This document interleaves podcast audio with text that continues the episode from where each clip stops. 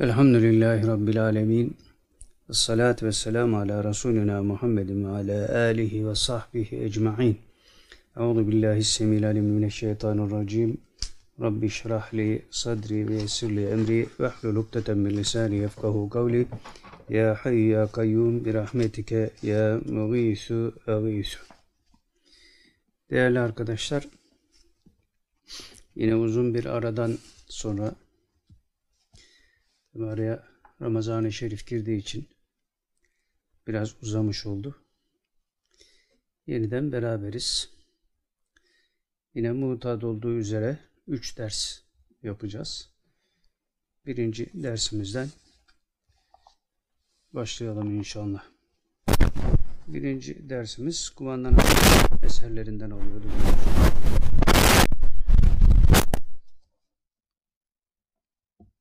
Bu dersimizde Vandan Hazretleri'nin Furkan, Lukat-ı Salihun eserinden bir bölüm okuyacağız.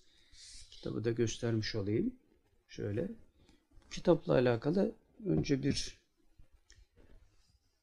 bilgi vereyim. Ondan sonra mevzumuza geçeriz. Bu kitap İlginç bir kitap tabi. Said Nursi Hazretleri'nin de düşünüp de yapmak isteyip de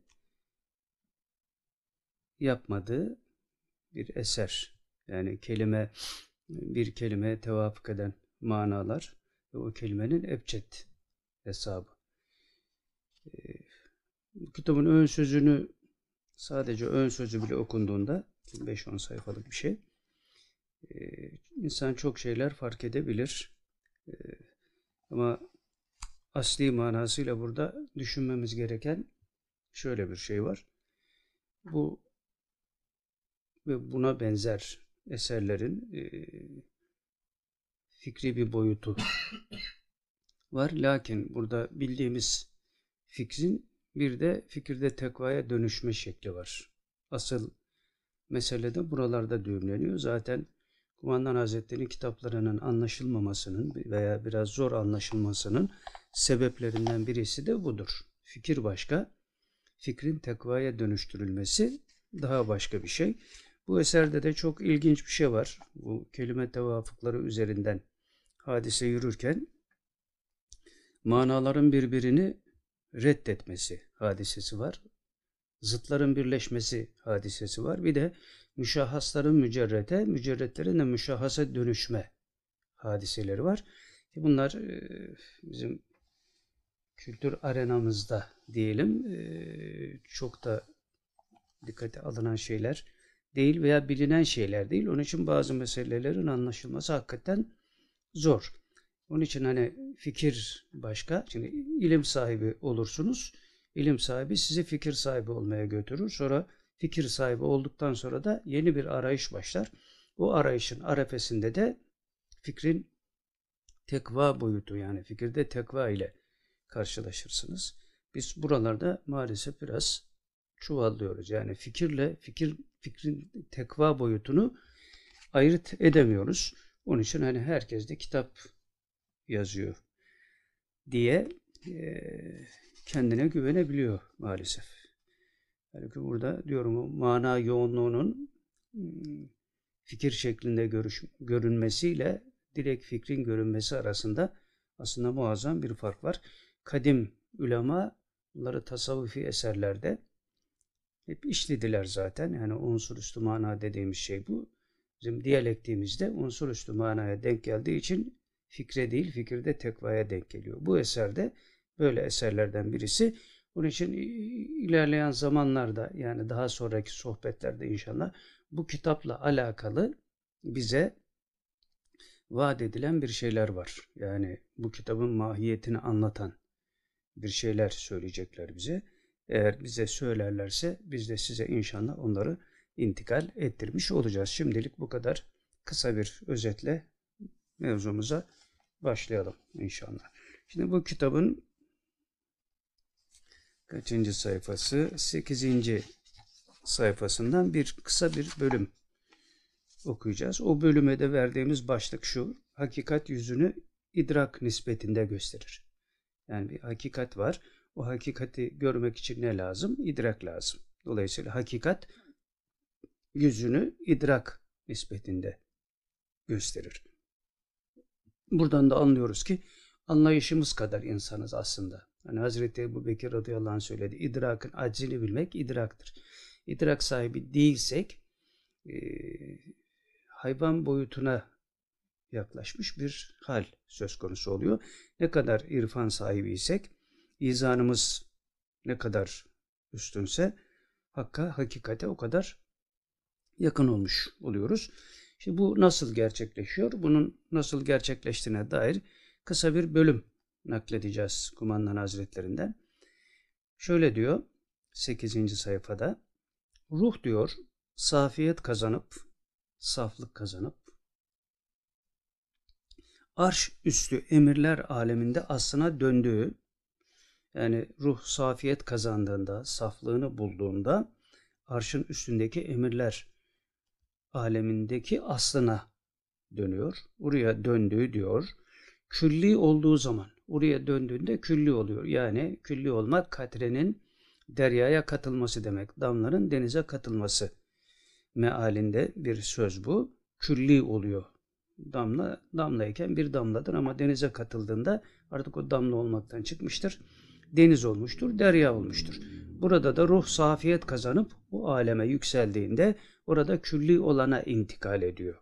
Yani damla olmaktan çıkıp derya oluyor. Böyle olduğu zaman diyor Kumandan Hazretleri, kainatın gizlilikleriyle bütün alemde bulunan manalar kendisin, kendine nakşolunmuş olarak bulunur. Yani bunu yaptığında bütün gizlilikler, kainatta ne kadar gizli mesele varsa e, bu manalar kendine nakşolunmuş olur. Yani e, onları idrak etmiş olur. Damla deryanın hakikatine kavuşmuştur artık demektir. Ve kendi ruhani sıfatına göre kendi ruhani sıfatına göre yani e, o ruhun hal ve makamına göre demektir. Gayipten alacağını alır. Yani gayb Allah'tan başka kimse bilmez. Allah'ın bildirdikleri hariç diyoruz ya. İşte burada o hariç olanlar kendileri içinde bir kademe sahipleridirler. Ne kadar idrak edebilmişse gayipten o kadar fazla şey bilirler. İşte başta tabi peygamberler sonra da veliler bu istikamette yürürler. Dolayısıyla diyor şimdi bu hal olduğunda şöyle bir hakikatle karşılaşıyoruz. Müminin ferasetinden korkun buyuruyor Efendimiz Aleyhisselatü Vesselam. Müminin ferasetinden korkunuz. Çünkü o Allah'ın nuru ile nazar eder. Ölçü bu. Dolayısıyla ruh safiyet kazandığında bir müminde asli vatanına ulaştığında yani e, deryaya ulaştığında ona deryanın hakikatleri artık gizli değildir. Ama bu da kademe kademe tabi. Onun için bu hali yaşamış olan bir mümin ferasetiyle kendini gösterir. Dolayısıyla diyor müminin ferasetinden korkun. Yani o onun nazarı o kadar kuvvetlidir ki o nazarın kuvveti ruhunun safiyetinden kaynaklanıyor çünkü. Yani burada ruhunu arındırmış, arş üstü emirler alemine çıkmış, asli vatanıyla muhatap olduğunda asli vatanında olduğu şeyleri gördüğü için bu tali olan dünyadaki vatanında e, yaşarken bir takım hikmetlere vakıf oluyor. Onun için de müminin feraseti bu noktalarda hakikaten ürkütücü bir ferasettir. Kafir ve münafık için tabii ki. Evet, Allah'ın nuru ile nazar eder. Ölçü bu. Allah'ın nuru ile nazar ettiğine göre yani bu feraseti yakaladığına göre bir mümin o murada mebni hiçbir şey ondan gizli değildir. Yani bu hadisat içinde hiçbir şey müminin ferasetinden gizli değildir. Ha, bazen işte ehlullah bu ferasetini bazen ortaya koyar, bazen koymaz. Koymasında bir sebep vardır, koymamasında da bir sebep vardır. Öyle bir yer vardır ki mesela Efendimiz Aleyhisselatü Vesselam'ın hani halka anlayışına göre hitap ediniz denilir. Ama bir yer vardır. Halkın anlamayacağı şey de orada söylenir. Çünkü onun isteklisi halkın içindedir. Onlar bundan istifade etsinler diye. Zaten o mizaç hususiyeti kendisinde oluşmayan insanın bundan istifade etmesi mümkün değildir. O ya anlamaz geçer ya da münkirlik yapar, inkar eder yani böyle şey olur mu diye akli melekeleriyle hadiseye el attığı için işin içinden çıkamaz. Evet ama bu arada tabii şöyle bir şey söylüyor kumandan hazretleri. Şöyle bitiriyor diyelim daha doğrusu. Ama diyor mümin var, mümin var. Her şey derecen kadar. Yani bu hakikatler var ama bu hakikatler karşısında senin idrakın ne? Eğer idrak zafiyeti içindeysen evet mümin olmana rağmen bu hadiseleri gerçek manasıyla anlayamazsın. Eğer mana iklimlerinde dolaşabilecek bir idrak söz konusu ise orada hadisat doğal olarak değişiyor tabi. Onun için mümin var, mümin var. Biz hakiki mümin olmaya doğru gidenlerden olmamız lazım. Yani idrak sahibi insanların hali budur. Onun için ne lazım? İhlas lazım. Başka ne lazım? İman lazım. İman ve ihlas istikametinde bu hadiseleri gerçekleştirebildiğimiz kadar insanız zaten. Yani yapıp ettiklerimizin insan nazarında ne ifade ettiği çok önemli değil. Mevla nazarında ne ifade ettiğine bakmamız lazım. Ona da baktığımızda zafiyetlerimizi görüyoruz tabii. O zafiyetleri görmemizde bizim biraz daha hadiselere yüklenmemizi gerektirdiği için o da bir fayda tabii. Yani eksikliğimizi görüyoruz. Orada ne yapmamız gerektiğine dair de e, hadiselere e, el atmaya çalışıyoruz. Ama bunun tabii temeli her zaman ihlastır. Yani bütün kainat size alkışlasa Hani bir belediye başkanı vardı ya beni yaprakları bile alkışlıyor diyordu falan. Öyle alkıştan bahsetmiyoruz. Yani hayal dünyasında gezmemek lazım. Bu iç alem düzenindeki dengeyle anlaşılabilir bir şeydir. Onun için fikirde tekva diyoruz yani. Fikir demiyoruz. Fikirde tekva. ilim de demiyoruz. Çünkü ilim insanın cehlini alır, ahmaklığını almaz. İlim fikre dönüşmeli, fikirde tekvaya dönüşmeli. E, tekvaya dönüşmesi için de iman ve ihlas boyutunda bir takım hadisata e, müdrik olmak lazım yani takım hadisatı idrak etmiş olmak lazım. Bunlar olmadığı zaman yapıp ettiklerimizin çok fazla bir e, getirisi yoktur. Şimdi Ramazan-ı Şerif'ten çıktık. İşte bu sene Ramazan-ı Şerif'te bildirildiğine göre e, insanların kalbi hayatlarına ilka edilen bir şeyler oldu. Fakat bunu söylerken tabi söylenilen şey de şu bazısı anlayacak bazısı anlamayacak diye. Ramazan-ı Şerif'i nasıl geçirmişsek senede öyle geçecek zaten. İmam Rabbani Hazretleri mektubatında bu meseleyi de anlatıyor uzun uzun. Dolayısıyla inşallah Ramazan-ı Şerif'ten çıkışımız böyle hadiselere yani ruhumuzda bir takım e, derecelerin artmasına sebep olur inşallah niyetiyle yolumuza devam edeceğiz. Evet geldik ikinci dersimize. İkinci dersimiz Risale-i Kutsiye dersimizde biliyorsunuz. Daha önce birkaç ders hub, sevgi, muhabbet üzerine devam etmişti. Yine bunda yine aynı şey biraz daha farklı bir boyutuyla değerlendirilmiş. Yine Efendimiz Aleyhisselatü Vesselam'ın varlığıyla alakalı yani onun varoluşunun ne mana ifade ettiğiyle alakalı bir mesele işlemiş olacağız. Evet 57. beytte kalmıştık. Orada şöyle diyor birinci mısrada bu insandır ki rahmettir vücudi. Yani Efendimiz Aleyhisselatü Vesselam kasten söylemiş.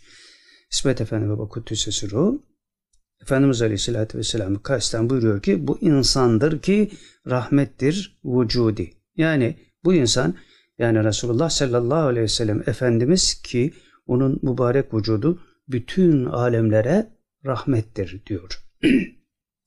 İşte bu rahmetin e, tecellisi nasıl oluyor? Bunu idrak edebilmek için hakikati ferdiye meselesini de biraz anlamış olmamız lazım. Yani Allah Resulü'nde gerçekleşmiş olan fert hakikati.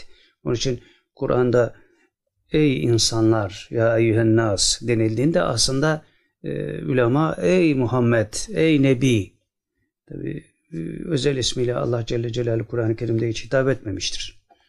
Resulüne yani ey Muhammed dememiştir. Ey Nebi, ey Peygamber diye şey yapmıştır. Burada da bizim anlayacağımız başka bir şey var tabi. Din edeptir, edep hadlere riayettir. fikirde tekva nispeti üzerinden edep nedir? Bu hakikaten zor bir mesele. Onun için e, çoğu zaman sallarız yani. Hani ne olacak yani ha öyle demişin ha böyle demişin. E, teknolojik dili mesela bu fikirde tekva diline tatbik etmeye kalktığımızda abuk subuk bir şeyler çıkıyor ortaya. Yani bedi zevki incitiyoruz. Onun da farkına çoğu zaman varamıyoruz. Bu aslında ihlasımızı besleyen iman zafiyetiyle alakalı. Yani bilgisizlik falan değil. Bilgi çok. Fakat bu bilgiyi iman temelli olarak ihlas boyutunda değerlendiremediğimiz için daha çok iş gösterişe dönüyor. Yani yani ben ne kadar güzel konuştum beni alkışlasınlar. Benim rütbem şöyle herkes bana itibar etsin şekline dönüşüyor. İşte orada ihlassızlık sebebiyle bereket de her hadisede bereket de hem sosyolojik yapıda hem ekonomik hadiselerde hem fikri boyutta bu bereket de düşmüş oluyor tabi. Düşmüş olunca da o ihlassızlık sebebiyle aslında çok şey kaybediyoruz ama nefs öbür taraftan diyor ki olsun olsun seni alkışlayan çok. Seni dinleyen çok. Sana bakan çok. Sen şu şu şu teknikleri de yaparsan daha da çok insan seni alkışlar. Bundan sonra iş gider gider yaprakların seni alkışlamasına kadar komediye döner yani. Bu işler böyledir. Allah muhafaza etsin hepimizi. Onun için Ramazan-ı Şerif'te elde ettiğimiz maneviyatı sene sonuna kadar götürmemiz lazım. Tabi Ramazan-ı Şerif'te ne kadar aldıysak o kadarını götüreceğiz tabi. Onun için eğer alamamışsak yine Mevla'nın lütfu sonsuzdur. Biz yine dileyelim Ramazan-ı Şerif bu bereket içinde geçmiş kabul edilsin ve senemizde öyle bereketli olsun. Evet devam ediyoruz. Bu insan yani Resulullah sallallahu aleyhi ve sellem Efendimiz ki onun mübarek vücudu bütün alemlere rahmettir. Alemlere rahmet kelimesini böyle şimdi açmaya kalksak içinden çıkamayız. Alemlere rahmet. Ne demek yani? Rahmet kelimesini biliyoruz ama rahmet kelimesinin içinde münnebiç olan hikmetleri, hakikatleri bilmiyoruz. Onun için zaten fikirde tekva diyoruz. Fikirde tekva da tarikatla alakalı bir mevzu tabii. Öyle ben hani fikre meylettim, onun tekvasına ulaştım. Böyle bir şey yok yani. Bunlar halle alakalı şeyler. Yani fikir halle alakalı değil.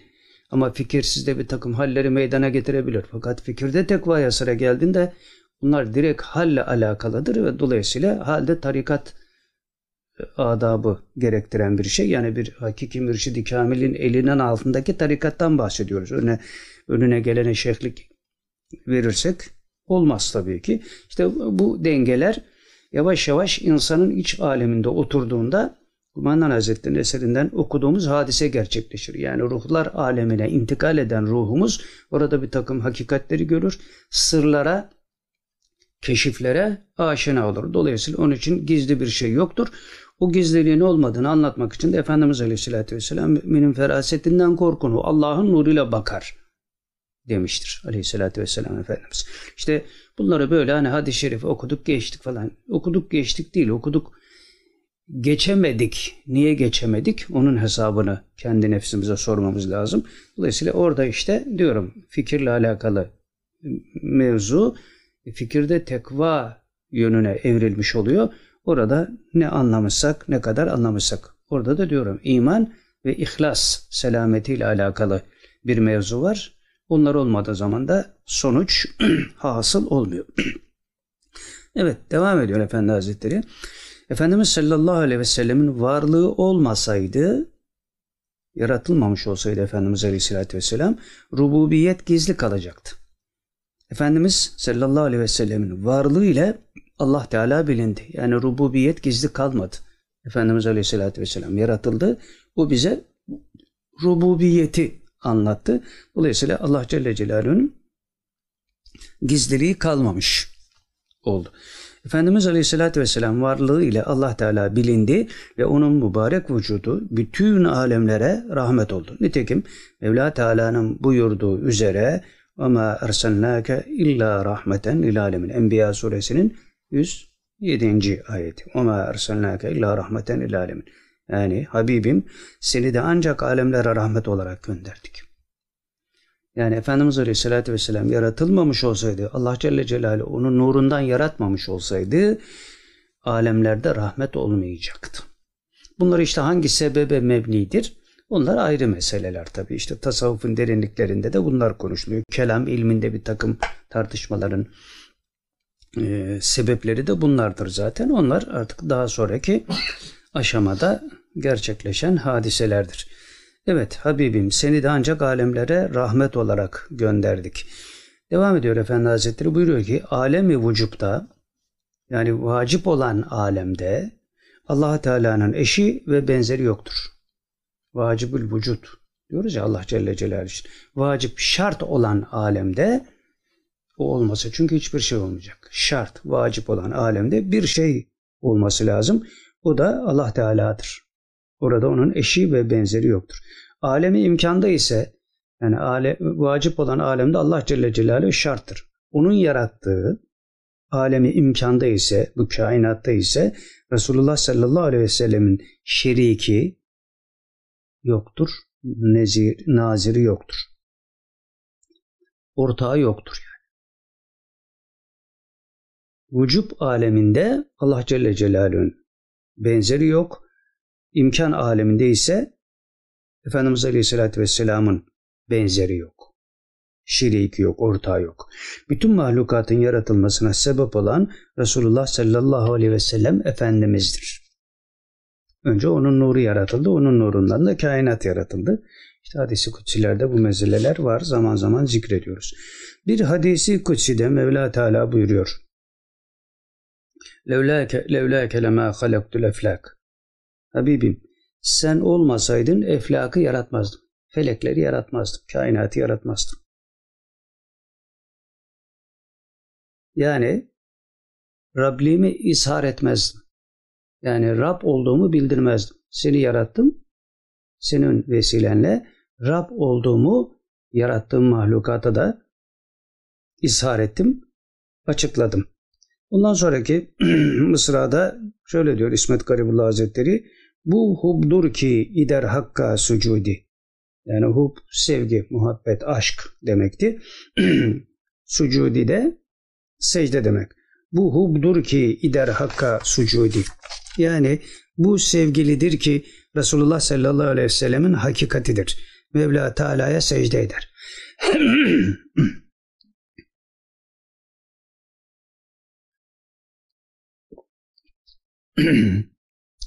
bu sevgidir ki, bu muhabbettir ki o Resulullah sallallahu aleyhi ve sellem Efendimiz'dir. Mevla Teala'ya secde eder. Bu sevgi, bu hub, Mevla'nın yarattığı bu sevgi Mevla Teala'ya secde eder. Yani bildiğimiz namazdaki secdenin şeyi olarak söylüyor. Yüzü yere sürmek manasında. Efendimiz sallallahu aleyhi ve sellemin hakikati olan o nur, yani o hub, o aşk, o sevgi Hakk'a secde eder. O sevgi olmasaydı anlamızı topraklara, taşlara, postlara, secdelere koyamazdık. Yani biz namaz kılıyorsak Efendimiz Aleyhisselatü Vesselam'ın Allah Resulü tarafından rahmete gark edilmesiyle alakalı. Seni alemlere rahmet olarak gönderdik diyor ya, o rahmet vesilesiyle bizim anlamız secdeye gidiyor. Eğer o olmasaydı secde hakikati de bizim için olmayacaktı. Allah Resulü var olduğu için biz secde ediyoruz. Onun sevgisi, muhabbeti sebebiyle. Çünkü o sevgi ve muhabbet sebebiyle Mevla ben Rablığımı, Allah olduğumu izhar ettim diyor. Vesilem odur diyor yani. Onun için ona itaat ederseniz bana itaat etmiş olursunuz. ona icabet etmek bana icabet etmektir. Ona biat etmek bana biat etmektir. İşte o şey taifesinin anlamadığı da burası. Hadislere ne gerek var? Allah Resulüne ne gerek var? Ben deistim. Allah'ı kabul ediyorum ama peygamberi kabul etmiyorum. Falan filan abuk subuk şeyler oradan çıkıyor zaten. Evet bu diyorum mesele derinlemesine aşkla ilgili fikirde tekva ile alakalı, ruhlar alemine intikalle alakalı olduğu için akıl bunlarda çok fazla mahir değil. Yani kalbin mutlaka devreye girmesi lazım ki ilim fikre, fikir fikirde tekvaya dönüşmüş olsun. O zaman muhabbet hasıl oluyor. O muhabbetten de bir takım hakikatler, sırlar kendini, kendini ifşa etmeye başlıyor. Ve o noktaya gelmiş bir insan dönüp arkadan gelene baktığında ne söylesin yani? Hani şu şu şu şu falan diyor ama e, arkadakinin ondan haberi yok. Ya inkar eder ya susar. Ama şimdi içinde bulunduğumuz çağ itibariyle susmak yerine herkes konuşmayı tercih ediyor. Bu gevezelikten de zaten ortalık iyicene birbirine karışmış vaziyette yani. Ne ilim adamının ilim adamlığı belli, ne talebenin talebeliği belli, ne şeyhin şeyhliği belli, ne müridin müritliği belli. Her şey curcuna. Bu da kıyamet alametleriyle alakalı meseleler tabi. Yani daha önce de söyledik ki kıyamet alametlerinin sonuncusu Mekke dağlarının yeşillenmesiydi. O da oldu. Sonuncusu bitti. 1400 senedir bir süreç yaşandı küçük alametlerle alakalı. Onlar da oldu bitti. E şimdi büyük alametlere sıra geldi. Onun ilkinin de Mehdi Aleyhisselam'ın zuhuru olduğu söyleniyor. Ve çok peşi sıra gelecekler. Yani öyle arada çok zaman farkı olmadan.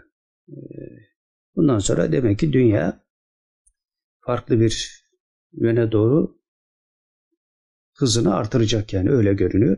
Zaten işte 3. Dünya Savaşı artık kimsenin inkar edemeyeceği boyutlara geldi. Başladık diyor yani. İşte Rusya'nın halini görüyorsunuz. Amerika orada müdahale etti bilmem ne falan filan. Her gün yeni haberlerle bunlar gündeme geliyor.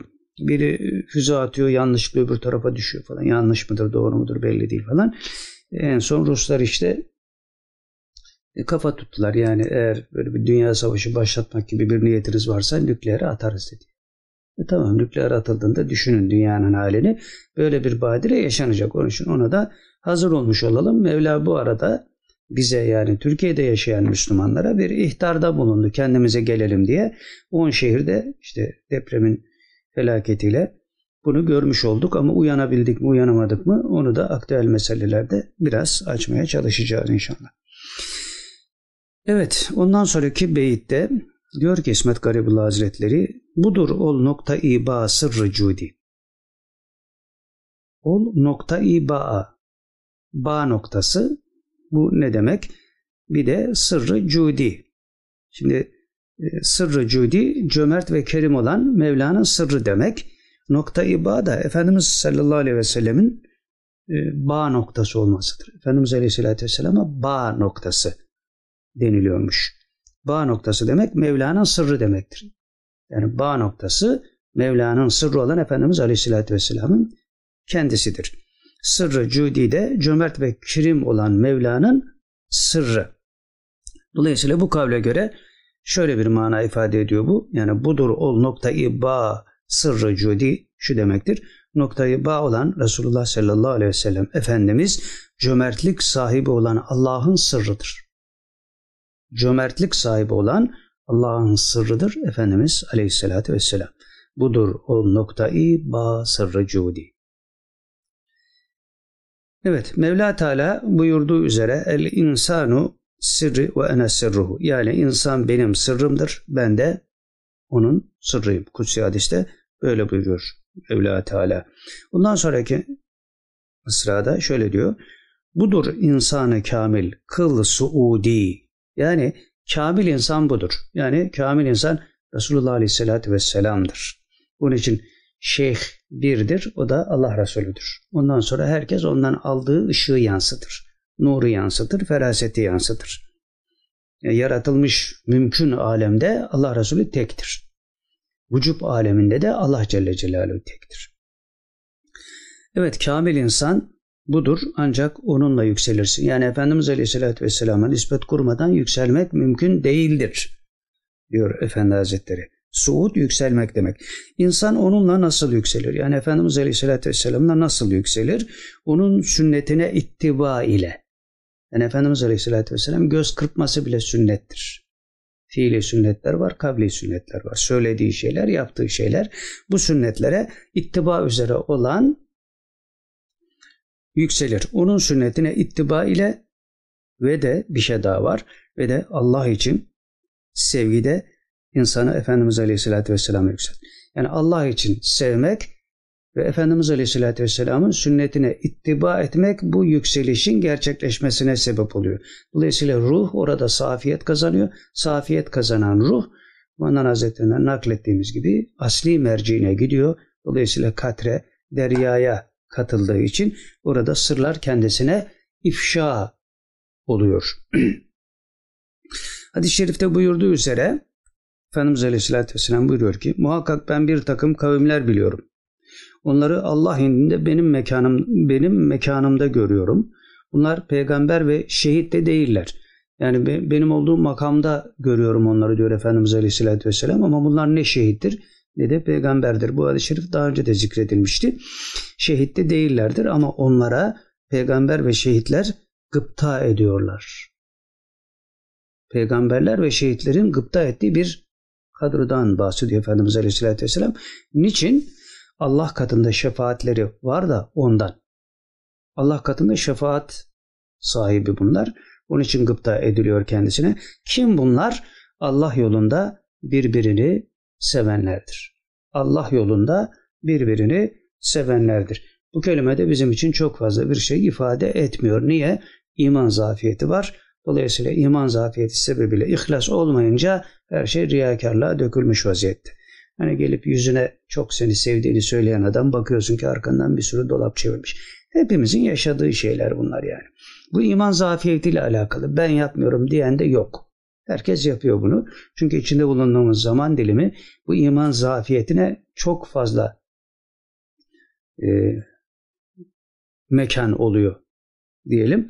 Bu sebeple de ihlas biraz rafa kaldırılmış gibi. Zaten o ihlası yakalayabilmiş olsak çok şeylerden kurtulacağız. Hem kendi iç alemimizdeki kargaşadan kurtulacağız hem de cemiyet iç, içinde bulunduğu kargaşadan çıkmış olacak. Ama maalesef henüz buralara ulaşamadık. Mevla tez zamanda ulaşmayı bizlere nasip etsin. Ama öyle görünüyor ki bir takım felaketlerle buralara ulaşacağız sanki. İnşallah imtihanımız kolay olur. Devam ediyor Efendi Hazretleri. Başka şeylerde gözünüz olmasın. Başka şeylerde gözünüz olmasın. Bunlar büyük işlerdir diyor. Yani bırak o meselesi. Siyaset konuşuyorsun, iktisat konuşuyorsun, içtimaiyet konuşuyorsun. Tabii ki bunlar konuşulacak. Ama asli unsur bunlar olsun diyor. Bunlar olmadan öbürlere el attığınızda zaten işin içinden çıkamazsınız. Şu anda dünyanın bir kargaşa içine düşmesinin sebebi de bu. Yani İslam aleminin ayağa kalkamaması, toparlanamaması bu kadar kalabalık olmasına rağmen küfür taifesine, münafık taifesine güç yettirememesinin sebebi de bu. Boş işlerle uğraşıyorsunuz diyor. Nefs sizi bazı şeylerle uyalıyor. Bunlardan uzak durmanız lazım. İman ve ihlas meselesinde sıkı durmanız lazım demektir. Başka şeylerde gözünüz olmasın. Bunlar büyük işlerdir diye Efendi Hazretleri ihtar ediyor. Ve devam ediyor. Bunlara çalışmanız şükürdür. Yani bunları elde etmek için çalışırsan aynı zamanda şükretmiş oluyorsun. Ya Rabbi şükür demene gerek yok. Halin senin şükür haline dönüşmüş demektir. Orada Mevla işini kolaylaştırır. Allah Teala Hazretleri Sure-i İbrahim'de şükredene nimetini artıracağına dair şöyle buyuruyor. İbrahim suresinin 8. ayeti ve iz teezzene rabbukum le in şekertum le ezidennekum ve hatırlayınız ki Rabbiniz size bildirmişti. Eğer şükrederseniz elbette size artırırım. Yani hal itibariyle şükretmeye yöneldiğimizde Mevla nimetlerini artıracağını söylüyor. Bir de dille şükür var. Tamam onun da kıymeti var. Ama kalbe, in, kalbe indirmek suretiyle yapılması gerekir bu şükrün. Onun için de halin devreye girdiğinde hal olarak yani fiil olarak şükretmeye başladığında dilin de kalbine intikal edecek şükrü zikretmeye başlayabilir. Onun haricinde şükürler olsun ya Rabbi.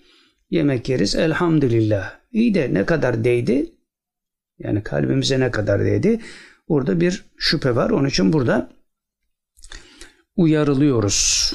Şükredene nimetini artıracağını söylüyor Mevla. Evet devam ediyor Efendi Hazretleri buyuruyor ki bu ilimler ile meşgul olanlar bu ilimler ile meşgul olanlar yani ilk başta bahsettiğimiz aslında fikirde tekva ilmi kastediliyor burada. Bu ilimler ile meşgul olanlar ne mutlu bize demelidirler. Yani dünya yansa bunlar böyle şeylerle ilgilendiği için ne mutlu bize diyebilirler. Çünkü ahirete taalluk eden hadiseyi burada halletmiş oluyorlar. Öbürü onun dışındaki her şey nefsane olduğu için sadece dünyada kalıcı.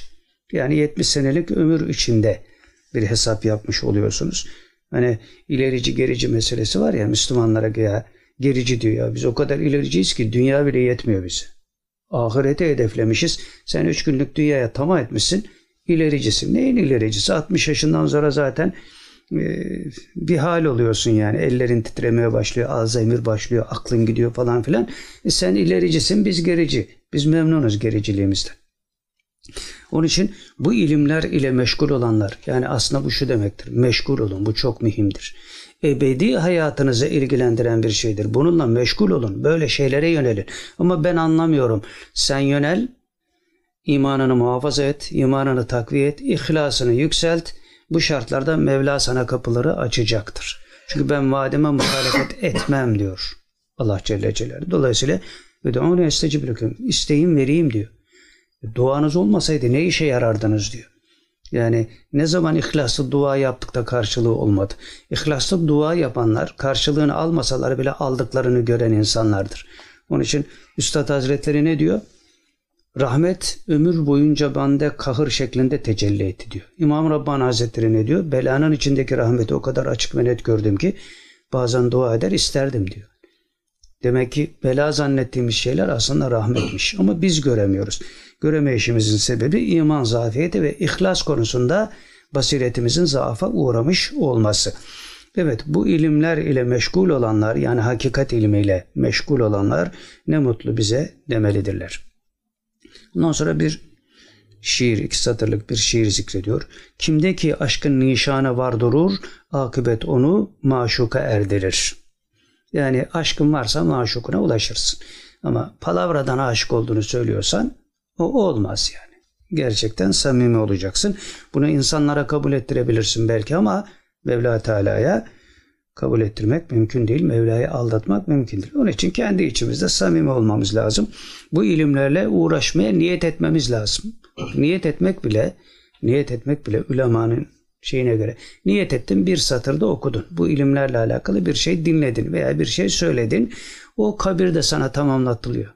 Çünkü kabirde de inkişaf devam ediyor. Orası ahiret değil, berzah. Dünyaya da bakan yüzü var, ahirette de bakan yüzü var diyoruz ya. Orada bu inkişaf devam ediyor. Onun için burada bütün mesele iyi niyet, hüsnü niyet. Yani bir şeyler öğrenin, birilerine anlatayım. Niçin? Bir de bunun niçinini söyle. İşte burada biz maalesef tökezliyoruz. Yani ben öğreneyim, birine söyleyeyim. Bak bu ne kadar güzel anlatıyor, ne kadar çok şey biliyor. Ben de onun gibi olayım. Ya onun gibi olma. O ihlassız. Sen ihlaslı olanına bak. İhlaslı olmaya dair ne gerekiyorsa onu yapmanın hesabını yap. Bu hesabı yaparken ihlaslı olamasan bile eğer o hesabında samimiysen Mevla sana ihlaslı gibi muamele edecek zaten. Bu kadar da kolay aslında yani. Yani al kitapları, ciltleri önüne koy, hepsini devşir falan ondan bahsetmiyoruz yani. İhlas ve samimi çok basit, çok net bir şey. Ben şu anda buna niyet ettim. Dediğiniz an bu mevzu başlamıştır. Yani şeyde de öyledir mesela. Tarikat adabında da öyle bir şey vardır. Bir insan ben Mürşidi Kamil'i seviyorum, Mürşidi Kamilleri seviyorum, hakiki mürşitleri seviyorum, tarikatı seviyorum dediği an tarikat ehlidir. O an onu o dairenin içine kabul ederler. Ondan sonra o dairenin içine sen fiilen girersin de çift katta ekmek kadayıfı yersin. O ayrı bir olay yani. Buraya girmek lazım ama bunu kabullendiğin andan itibaren zaten sana tarikat ehli muamelesi yapıyorlar. Yani bu şu demektir. Tarikat kelimesi biraz işi çetrefilleştiriyor tabii. Allah Resulü'nün batınına nispet kurmuş oluyorsun. İhlas ve samimiyet bunu gerektirir. Çünkü mürşidi kamil de seni o nispete ulaştırmaya çalışıyor. Başka bir şey yok. Onun için mürşit tektir diyoruz. Ama bu hakikatler bilinmediğinde yani fik, ilim zavi, zaviyesinden veya fikir zavi, zaviyesinden hadise yürütmeye başladığımızda tarikatta şeye dönüyor. Futbol takımı tutma meselesine dönüyor. Benim şeyhim senin şeyhini döver. Benim tarikatım senin tarikatını yener gibi bir boyuta geliyor. İşte siz de öyle mi biz de öyle mi? Ya siz biz yok zaten. Allah Resulü var aleyhissalatü vesselam. Onun nurunu bize taşıyan da kamil insanlar var. Biz kamil insan olduğumuzda bu işin böyle olduğunu anlayacağız. Onun için ilim yetmiyor diyoruz. İlim fikre dönüşecek. Fikir, fikir de tekvaya dönüşecek. Orada ihlas ve samimiyetle iman boyutunda bir takım hadiseleri değerlendirmeye başlayacağız. Meselenin zevki de orada zaten. O zaman kimseye ihtiyacınız olmuyor. Size bir istina hali oluşuyor. Allah'tan başka kimseye muhtaç olmama hali. Aman filancı bana yardım etsin. O filancı sana yardım edemez. Niye? La havle ve la kuvvete illa billah. Davranış ve kuvvet sahibi Allah'tır. Onu o davranış ve kuvveti veren Allah müsaade etmezse o sana yardım edemez zaten. Kötülük de yapamaz sana. Ama biz Mevla'ya sığınmayı bilmiyoruz. Bu biraz şuna benziyor. Hani murakabe dediğimiz hadise var ya aslında sadece murakabe hadisesini biraz idrak etsek gerisi çok rahat gelecek. Nedir murakabe? Her an Allah'la beraber olmak. isimlerini, sıfatlarını, nimetlerini, yarattıklarını düşünmek ve ona göre de hayretimizi artırmak. Yani bu nasıl olur? Diyelim ki bir tiyatro sanatçısı düşünün veya bir aktör düşünün. Ne yapar? Bir aktör film çevirirken mesleğini de sevdiği için veç halinde e, rolünü iyi oynamak için çok dikkat eder. Zaten e, film yapımcısı da işte o rolünü iyi oynasın diye her türlü donanımı ona takviye olarak verir. Orada o adam işte o rolün hakkını vermiş olarak oradan çıkmakla rahat eder. Şimdi hepimiz hani bir söz var ya dünya tiyatro sahnesidir. Kimine cumhurbaşkanlığı, kimine çöpçü rolü düşer. Fakat çöpçü rolü düşen cumhurbaşkanlığı rolü oynayandan daha düşük değildir. Burada önemli olan roldür. Çöpçülük veya cumhurbaşkanlığı değil. Onların ikisi de geçicidir ama o rol geçici değildir. Dolayısıyla murakabede böyle bir şey var. Şimdi bir insan düşünse ben aktörüm dese veya tiyatro sanatçısıyım dese murakabe ile ömrümün son nefesine kadar bu rolü oynamakla mükellefim. Dolayısıyla rejisörün e, e, bana şey yapması, film yapımcısının beni teşvik etmesi de çok önemli değil. Bunu ben arzu etmeliyim son nefesime kadar diye murakabeye dalsa aynen bir aktör gibi bu hadiseyi gerçekleştirmiş olur. O aktör ondan şöhret bekler, para bekler. Sen beklemediğin için bu aktörlük hakiki aktörlüktür. Onun için büyük fikir adamlarına gerçek aktör derler. Murakabenin hakikatini yaptıkları için. E biz ne yapıyoruz? Ya filan film var ya, ya hayatın film zaten senin. Bırak filmi milimi. Filmi milimi bırak yani. Tiyatroyu miyatro bırak. Ha, o daha sonra sosyal realite içinde yerli yerine oturtulması gereken bazı şeyler var. Onun için film yapılacak. Onun için tiyatro yapılacak. Bunlar ayrı şeyler. Fakat öz itibariyle hakikat bu. Bu hakikati yakaladıktan sonra tiyatro nasıl yapılır o çıkar meydana zaten. O şer-i mübinin tatbik edildiği toplumda nasılı e, bulunacak bir sorudur. O zaman ve mekan şartlarına göre e, değişebilir. Bazen ihtiyaç olur, bazen olmaz falan filan. Ama bu bahsettiğimiz şey hakiki hayata dair olduğu için murakabe aktör olmanın gerçek mahiyetini gösterir insana. Veya tiyatro sanatçısı olmanın gerçek mahiyetini bu murakabe gösterir. O murakabeye ulaşmak için de ondan bir evvelki rabıtaya bakacaksınız. Yani Mürşidi Kamil Allah Resulü'nün batınını temsil ettiğine göre Allah Resulü'nün batınına yönelmenin nispeti Mürşidi Kamil'den geçiyor. Oradan rabıta, oradan murakabe bu işin hakikatini idrak ettiğin zaman eşyanın hakikatine nüfus söz konusu oluyor. Bundan sonra ruhlar alemine yükseldiğimizde katre deryaya intikal etmiş oluyor. Zevk ondan sonra başlıyor. O zevke gark olanlar da bazen sapıtıyorlar. Hallaç Mansur gibi. Ben hakkım diyorlar. Ama sarhoşluk hali içinde olduğu için onlara cezai meide de yok. Şer'en var da mana olarak yok. Eylullah bunları da anlatmış. Ya akıl zaviyesinden gittiğinde bak adama bak sapıtmış. Tasavvufçular hep böyle zaten sapık mapık falan filan. Adam da sapıklığın, akıllılığın ne olduğunu bilmeden bunları söylüyor. Ya bu hadiseleri idrak etmiş olmak gerekiyor ki ondan sonra konuşmak lazım. Hani her zaman misalini veriyoruz ya. E, ben iki kere ikinin dört ettiğini anca biliyorum ama yüksek matematik okumuş birisiyle matematik tartışıyorum. Yok orada diyalog olmaz. Monolog olacak. Sen susacaksın o konuşacak. E bu hadiselerde de mürşidi kamil konuşacak. Biz dinleyeceğiz. Ama dinlerken işte ne kadar idrak ettik o kadar konuşacağız. Orada da edep bizim konuşmamızı e, sınırlıyor, sınırlar. E bizde edep yoksa herkes konuşuyor. Onun için kıyamet alametlerinden biri olması hasabiyle herkes yazar olacak. Herkes de yazar oldu zaten. Herkes de yazıyor internette. Kimseyi durduramıyorsun. Durduramazsın da zaten bu kıyamet alameti. Evet. Eğer Mevla Teala'yı seviyorsan o senin maşukundur. Eğer sen de aşkın nişanı varsa neticede o nişan seni maşukuna ulaştırır. Yani aşk bedel ister. Bu bedeli ortaya koyabilecek bir mizaç hususiyeti varsa sende bu hakikatlere ulaşırsın demektir. Ondan sonraki satırlarda şöyle diyor. Sucudi çok edip hakka gidelim. Cemali kemali seyredir. Yani lafla Mevla Teala'ya yükseliş olmuyor diyor Efendi Hazretleri. Lafla yüksel, lafla peynir gemisi yürümez yani. Ve devam ediyor. allah Teala'ya yükseliş ancak secdeleri çok yapmakla yani çok namaz ve ibadetle olur. Tabi ibadetin hakikatini düşünerek. Nitekim diyor Ebu Hureyre radıyallahu anh şöyle buyurmuştur. Şöyle demiştir. Resulullah sallallahu aleyhi ve sellem şöyle buyurdu. Diyor Ebu Hureyre radıyallahu anh. Şüphesiz Allah şöyle buyurdu. Efendimiz Aleyhisselatü Vesselam buyuruyor. Şüphesiz Allah şöyle buyurdu. Her kim benim bir dostuma, beni tanıyan ve ihlasla bana ibadet eden bir kuluma düşmanlık ederse ben de ona harp ilan ederim. Yani secde edin diyor ya eğer bu secdelerde samimi iseniz diyor Allah'ın korumasına giriyorsunuz. Yoksa öylesine yatıp kalkıyorsan şeriata göre cezai müeyyideden kurtulmuş oluyorsun. Allah'ın korumasına girmiyorsun yani. Şeriattan paçanı kurtarıyorsun. Bu böyle bir şey. Ve devam ediyor. Kulum bana kendisine farz kıldığım şeylerden yani bu kutsi bir hadis. Kulum bana kendisine farz kıldığım şeylerden daha sevgili olan hiçbir şeyle yaklaşamaz. Kulum bana nafile ibadetlerle de yaklaşmaya devam eder.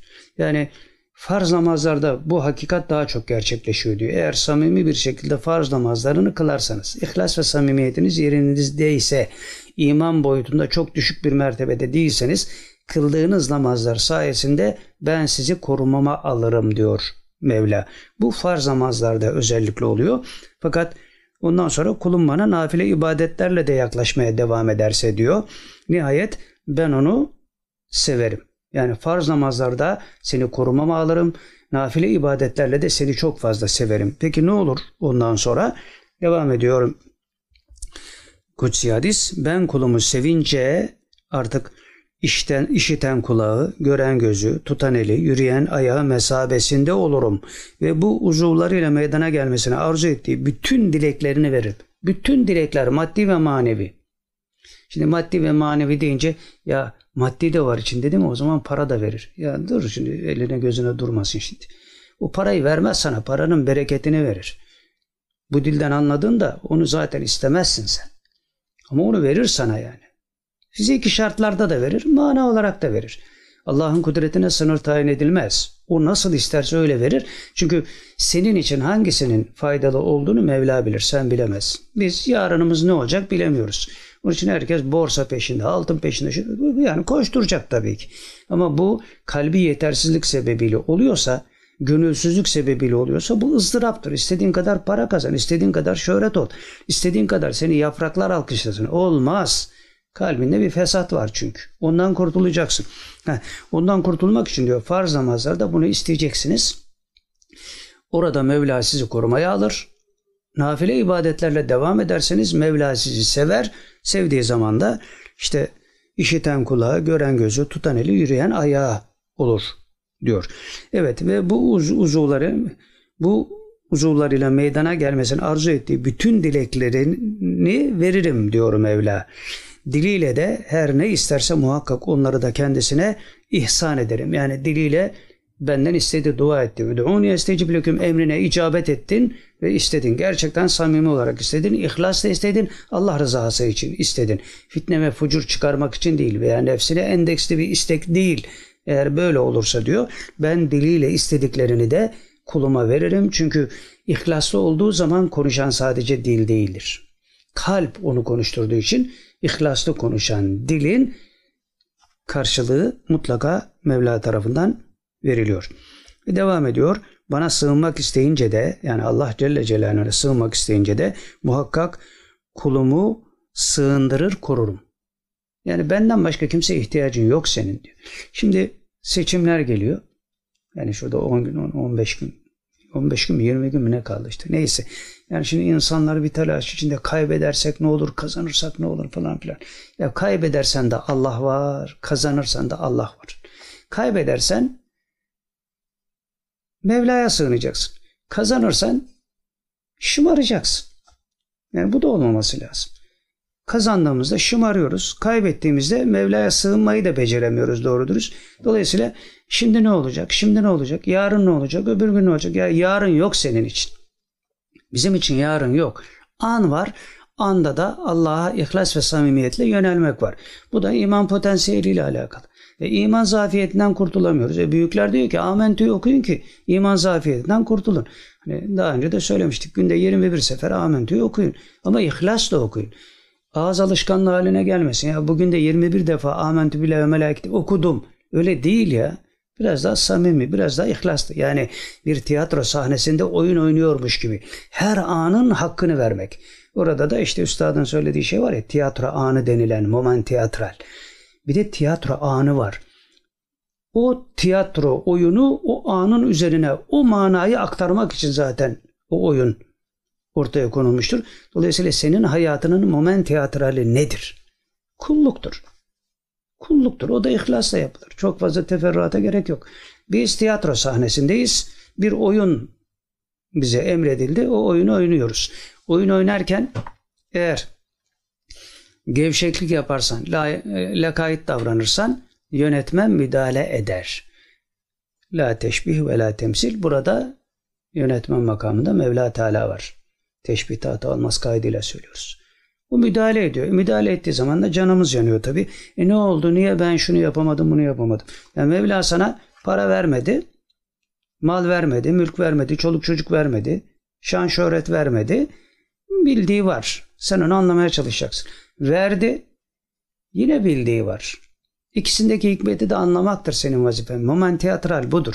Bir şeyi elde etmek veya elde, elde etmemek meselesi değil. Eğer elde etmek güzel olsaydı Efendimiz Aleyhisselatü Vesselam'a Cebrail Aleyhisselam geldi. Dağları sana altın yapayım dedi. İstemedi. Dağlar altın olacaktı yani. Ne güzel herkese hükmederdi yani. Dağlar altın herkese dağıt. Herkes senin peşine koşar yani. Herkes eteğinde döner. Hayır. Moment teatral bu dünyada başka bir şeydi. Efendimiz Aleyhisselatü Vesselam onun hakikatini bildiği için huptan, sevgiden, aşktan yaratıldığı için o aşka meyilli olarak hikmeti idrak etti. Dedi ki bu dünya geçici. Dolayısıyla bu dünyada Mevla bize Hazreti Ebu Bekir radıyallahu anh gibi zenginlik versin. Hazreti Osman Zinnuren gibi zenginlik versin. Versin tabii ki. Ama nefs endeksli olmasın. Onlarınki öyle değildi. Onun için mal da onlara mutluluk vermişti. Yokluk da onlara mutluluk vermişti. E bizde öyle olmuyor ama. Biz bir şeyin peşine düşmüşüz. Sanki moment tiyatralimiz o. İlla da şöhret olacağız. İlla da çok zengin olacağız. İlla da yapraklar bize alkışlayacak. Ya otur oturduğun yerde ya. Nefs kuduzdur, durmaz. Onun için diyorum ihlas ve samimiyet her zaman Müslümana kazandıran hakikattir. Ona talip olmamız lazım. Evet burada da Mevla diyor ki bana sığınmak isteyince de kulum muhakkak o kulumu sığındırır, korurum. Devam ediyor. Ben yapmak istediğim hiçbir şey hakkında Allah Celle Celaluhu buyuruyor yine. Ben yapmak istediğim hiçbir şey hakkında müminin ölümü karşısındaki tereddütüm gibi tereddüt etmedim. Yapmak istediğim hiçbir şey hakkında, hiçbir şeyde böyle bir tereddüt yaşamadım diyor mümin kulumun canını alırken. Çünkü diyor kulum ölümden hoşlanmıyordu. Ben de kuluma acı gelen şeyi sevmiyordum. Yani kulum ölmeyi sevmiyor. Sevmediği için ben de onun canını alırken bir şey yaşıyorum diyor. Bir tereddüt yaşıyorum diyor. Halbuki ölüm e, uslattır, kavuşmaktır ama nefsimizin hoşuna gitmediği için tabi sevemiyoruz maalesef. Mevla da bunu bildiği için orada tereddüt ettim diyor, ediyorum diyor. Bunlar da tabi yine e, fasıl olarak açılması gereken mevzular böyle üstünden geçiyoruz hadiselerin ama daha ciddi manada bu meseleler kurcalanması lazım. İşte kurcalarken murakabe üzerinden, rabıta üzerinden yol alınırsa bunlar daha iyi anlaşılır. Çünkü orada Allah'ın yardımı direkt devreye girmiş oluyor. Çünkü Efendimiz Aleyhisselatü Vesselam'ın ruhaniyetiyle nispet kurmuş oluyoruz. Batınıyla nispet kurmuş oluyoruz. Dolayısıyla meseleler biraz daha kolaylaşıyor. Evet şimdi geldik üçüncü ve son dersimize. Ne kadar oldu arada? Bir saat. Tamam. Şimdi burada tabii bir ara verdiğimiz için e, mevzuları biraz toparlamak zorunda kaldık. Daha şeyden yani Mart. Şimdi Nisan'dayız değil mi?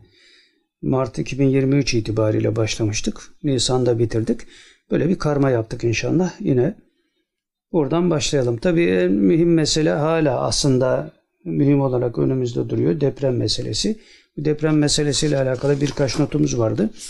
Onlar üzerinden istikametimizi e, yönlendirmemizi yapmaya çalışalım inşallah. Evet. Birinci ders yani birinci madde diyelim daha doğrusu birinci maddenin başlığı deprem sohbeti. Depremle alakalı bir sohbet. Şöyle başlamışız. Çabuk unutur insan. Çabuk unutur insan. Bu sebeple hafızayı beşer lisan ile malüldür denilmiştir. Yani büyük bir felaket ertesi gün hadi olmadı bir sonraki gün hadi olmadı bir sonraki gün gevşemeler başlar. Şu anda da onları maalesef yaşıyoruz. Evet insanoğlu zalim ve cahildir, unutkandır, vefasızdır. ızdıraba da alışır, keyfe de alışır. İkisi de insanoğlu için kolaydır. Lakin hayatın hakikatini idrak etmeye dair terkibe sıra gelince, hayatın hakikatini idrak etmeye dair terkibe gelince bu terkip nedir? ızdırapla saadeti veya sükuneti terkip etmek. İkisini birbirine meclis etmek. Bunu kastediyoruz yani. Hayatın hakikatini idrak etmeye dair terkibe sıra gelince sınıfta kalır. Yani zıtlar arası muvazene hikmetinden mahrumdur. Onu çoğu zaman anlayamaz. Çünkü o feraset gerekir, gerektiren bir şey. Felakete şahit olması insanoğlunun felakete şahit olması yüzünün buruşmasına sebep olur bir an ve o an hayata geliş hakikatini idrak eder gibi olur. Yani bir felaketle karşılaştığında hani depremde gördük. Göçük altından çıkanlar veya göçük altında olmayıp da manzarayı görenler neler neler söylediler. Çok ilginç şeyler yaşandı. İşte hani bundan sonra asla namazımı bırakmayacağım, asla orucumu bırakmayacağım. Birçok insan da bu söylediklerini yapıyorlar tabii yani. Ee, onlara da şahit oluyoruz. Ama gevşeyenler de var maalesef. Evet. O an hayata geliş hakikatini idrak eder gibi olur insanoğlu böyle felaketlerde. Varoluşunu gerçekleştireceği bu anı varoluşunu gerçek varoluşun gerçekleştiği an böyle anlardır. Onun için e, insan e, diyor bir batılı e, mütefekkir varoluşunu intihar anında gerçekleştirir. Yani her şeyden vazgeçtiği andır intihar anı. Dünyayı terk ediyor. Onun da arzusu emeli kalmamıştır. Bu anda varoluşunu gerçekleştirir. Yani gerçek kimliğini görür ama iş işten de geçmiştir. İşte o hale düşmeden varoluşunu gerçekleştirmek için böyle musibet ve belalar insan için bir nimettir. Varoluşunu gerçekleştireceği bu anı farkında olmasa bile doyasıya yaşar ve kalıcı olmasını da temenni eder. Farkında değildir ama onu doyasıya yaşamak ister. Çünkü bir anlık yoğunlukta onu yaşadığı için onun tatlılığına vakıf olur. Yani arzusu, emeli, mal, mülk, çoluk çocuktu falan filan bir anda gitti. Neyle şimdi mutmain olacaksın? Orada Mevla'ya sığınmanın verdiği bir haz. Yani dünya boşmuş. Zaten bunu öğrenmek için gelmiştik. Dünyaya imtihan için geldik gideceğiz. Gideceğimize göre boştur. Peki dünyayı sevmemiz için bir sebep yok mu? Var tabi ahiretin tarlası. Daha da önemlisi bu dünyadan kainatın efendisi geçti. Onun için bile dünyayı sevmemizde bir mahsur yok. Allah Resulü bu dünyadan geçti. Onun sevgisi, muhabbeti sebebiyle yaratılmış kainatta yaşıyoruz. O geldi ve gitti. Biz de gideceğiz. Kalan olmayacak. Bunun imkanı yok. İlim, bilim falan filan bir şeyler kurcalıyor da olmaz o işler yani. yani ilim, bilim bırak ölümü falan şimdi bir şey vereceğiz ileride. Bunu şey olarak video olarak dinletmeyeceğiz de alta link olarak koyacağız Obama'nın konuşmaları. dünyaya kandırdıkları, aya gitmediklerine dair falan filan. Bunlar böyle palavracı insanlar yani. Teknolojiyle uçak yapar, kafana bomba yağdırır, bana itaat edeceksin diye. Ondan sonra seni robotlaştırmanın altyapısını kurmuş olur. Buna da ilim derler, teknoloji derler, bilim derler falan filan. Hikayeden nameler yani. Evet biz devam edelim kaldığımız yerden. Sonra ne olur? Yani varoluşunu gerçekleştireceği bu anı farkında olmasa bile doyasıya yaşar ve kalıcı olmasını da temenni eder bu insan. Bu ızdırabı yaşayan insan. Sonra sonra zaman girer devreye. Sonra zaman girer devreye ve vaktin yani felaketin hakikati değişir. Zaman her şeyin ilacıdır. Müsbette de menfide de. Zaman devreye girer ve vaktin hakikati değişir. Gaye saadetin, sükunetin yani güya saadetin, sükunetin vakti girmiştir. Yani zaman değişmeye başlıyor vakit zaman devreye girince hani bir gün geçti, üç gün geçti, beş gün geçti falan filan zaman devreye girmiş oldu. Vaktin yani yaşanılan felaketin hakikati değişiyor. Ya tamam böyle bir fecaat yaşamıştık ama e, tamam geçti gitti yani bu kadar da konuşmanın alemi yok. Ya zaten o felaket neye geldi? Böyle şeyleri idrak et ve konuş diye. E, geldi konuştun sonra uzaklaştı vaktin hakikati değişti sana göre. Sana göre vaktin hakikati değişti. Aslında hakikat olan o değil. Sana göre vaktin hakikati değişti. Başladın lay lay loma. Yani büyük bir felaket olmuştu. O zaman öyle değildin, değildik. Lakin insanoğlu bilmez ki felaketi ve saadeti içinde barındıran vakit birbirinin aynı olan vakittir. Vakit aynı vakittir. O saadeti de felaketi de içinde barındırır. Felaket vaktinin içinde saadet, saadet vaktinin içinde felaketin var olduğunu bilmemek, bilememek her iki vakti de zayi eder. Onun için mürşidi kamiller için ebul vakt denilir vakti zapturapt altına almış insan demektir. Mürit için de acemi olduğu için İbnül Vakt. Vaktin çocuğu ona zaman tasarruf eder. Mürşid-i ise zamana tasarruf eder. Evet burada felaket vaktinin içinde saadet, saadet vaktinin içinde felaketin var olduğunu bilememek her iki vakti de zayi eder. Elinden kaçırmış olursun. Bu zayi oluşa dair bir Twitter sohbeti nakletmek istiyoruz. Yani zayi etmek nasıl oluyor? Ne manaya geliyor? Veya zayi etmenin cümle kapısına nasıl gelebiliriz? Hangi idrakla gelebiliriz? Bunun keyfiyetini ifade eden bir tweet silsilesi. Bunu e, Emine ismini kullanmış vatandaş. E, buna deprem notları başlığıyla yazmış. Twitter'da şöyle diyor. Güzel de yazmış. Diyor ki insan hayatında çok kısa bir süredir değil mi 90 saniye? İşte o 90 saniye 6 Şubat gecesi bize o kadar uzun geldi ki hiç bitmeyecek sandık. Sonradan konuştuğum birkaç kişi saatler sürdü sandım dedi. Kendi adıma ben demek ki alametleri fark edilmedi. Kıyamet kopuyor dedim içimden.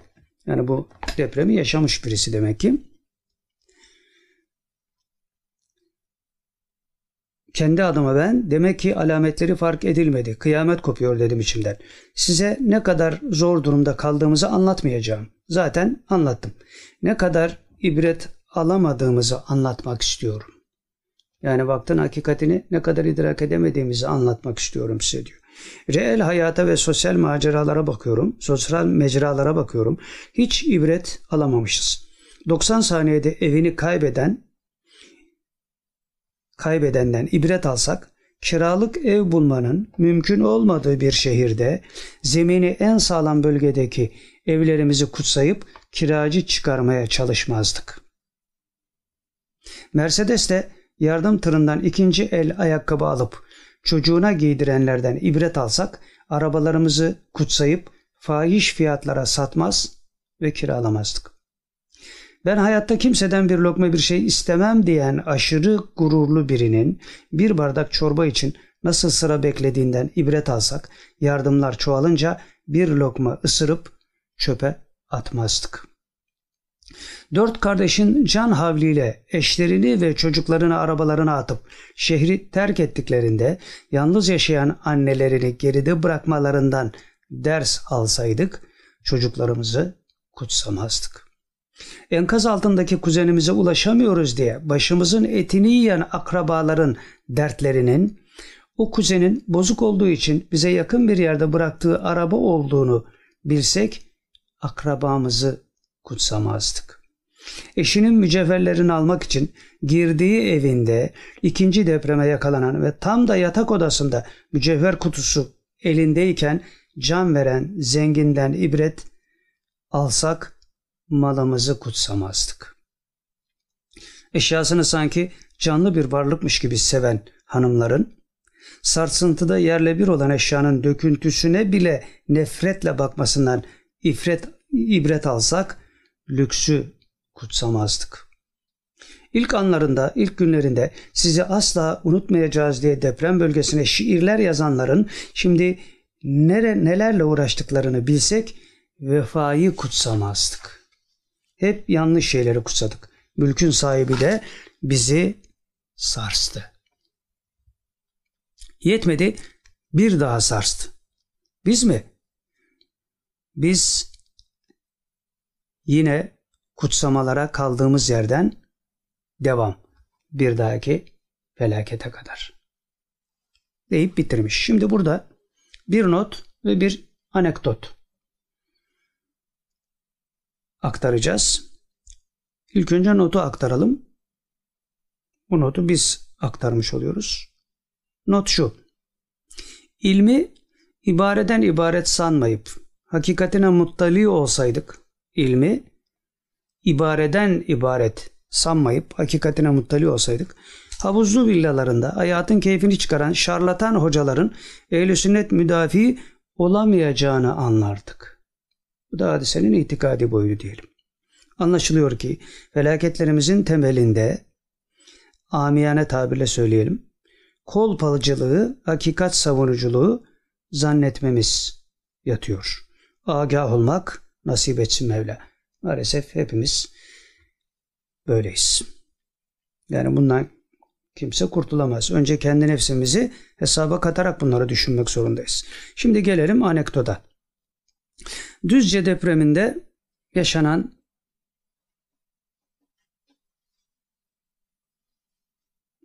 bir mobilyacının hayatı. Daha önce bunu anlatmıştım zannediyorum. Ee, olmuş bir hadise. İşte şeyler yıkılmış bu Düzce depreminde. Her şey perişan. Ee, bir adamın da mobilyacı dükkanı var. Yaşlı bir adam. Orada dükkanın önünde oturuyor. Harap olmuş yani. Bu arada birileri geliyor. Birkaç tane genç kamyonetle adamın dükkanındaki malları sağlam olan malları alıp götürmeye çalışıyorlar. Adam tabii yaşlı. Müdahale edecek hali yok. Seyrediyor. Bir müddet seyrediyor. Sonra gidiyor hırsızların yanına. Yani adamın eşyalarını çalıyorlar. Diyor ki evladım bu dükkan sizin mi? Hırsızlar da evet amca bizim işte kalan sağlam mallarımızı kurtarmaya çalışıyoruz falan. Tabi acı acı seyrederken diyor ki çocuklar diyor bu dükkan benim. Fakat bu işin başıma için geldiğini ben, geldiğini ben biliyorum diyor. Erzincan depreminde diyor ben yıkılan bir mobilya dükkanını boşaltmıştım başkasına ait. Bu sermayeyi onunla yaptım. Şimdi aynısı başıma geliyor. O da meğer çalmış. Men dakika dukka. Böyle bir hadise. Şimdi bizim şeyde de deprem bölgesinde de biliyorsunuz o yağmacılar falan filan. Tabi o yağmacılığın arkasında başka şeyler de var. İlginç şeyler de oldu. Şimdi söyleyemeyeceğimiz şeyler. Ama müspete döndü tabi. İnşallah. Hayat bundan ibaret yani adil olmak lazım, ihlaslı olmak lazım, samimi olmak lazım. Yoksa bir gün aynı şey karşımıza çıkıyor. Yani istisnasız insanoğlu yaptığının karşılığını buluyor. İyi veya kötü Fark etmez. Çoğu zaman da gafletimizden iyi kötü, kötüyü de maalesef iyi zannediyoruz ve yolumuza öyle devam ediyoruz. Felaketler de gittikçe artıyor tabi.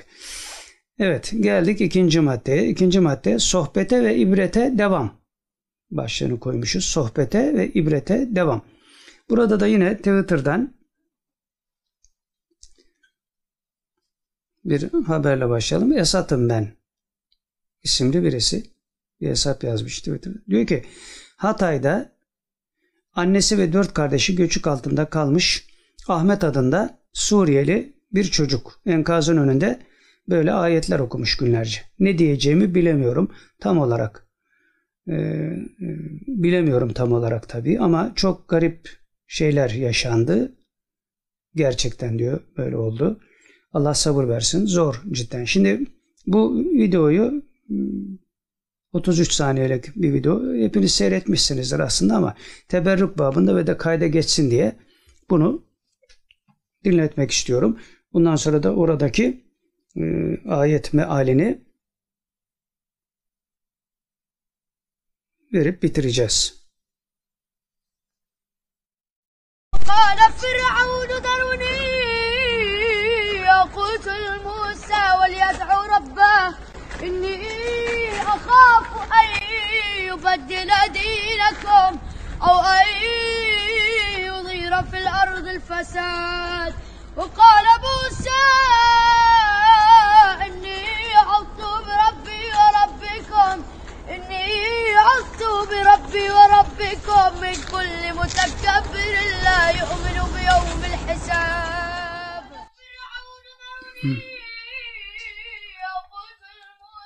Bitti değil mi? Hı. Tamam.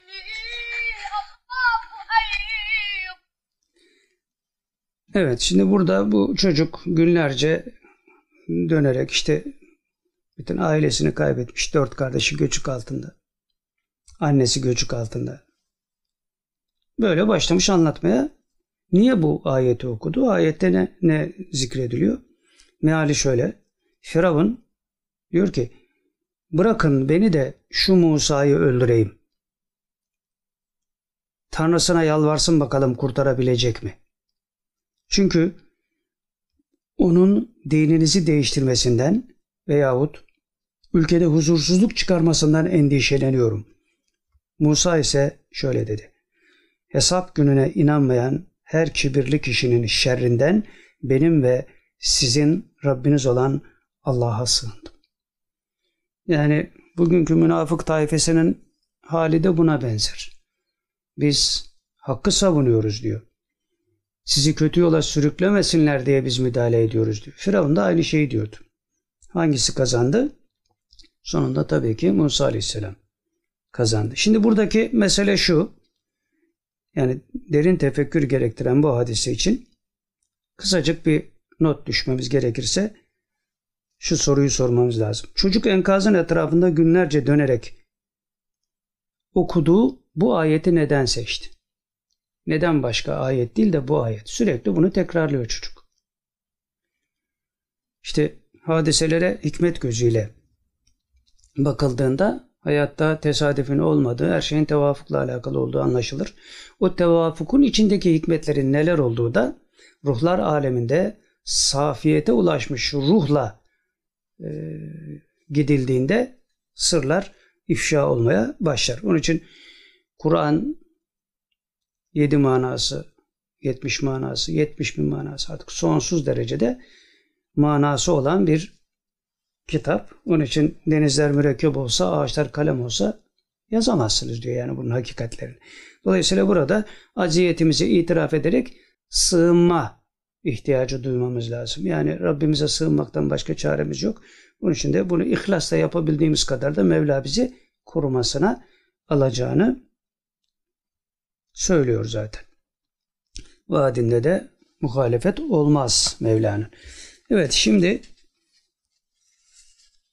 geldik başka bir bölüme. Bu daha önce hazırladığımız bir bölüm. Geriye dönüyoruz yani. Bu dönemin dokuzuncu fıkrası ama bugüne ait bir mesele olduğu için oradan da hadiseye bakacağız tekrar. Bunu niye kapatmamışız? Şimdi buradaki başlıkta iki farklı kaçış. Birincisi tren geliyor kaçın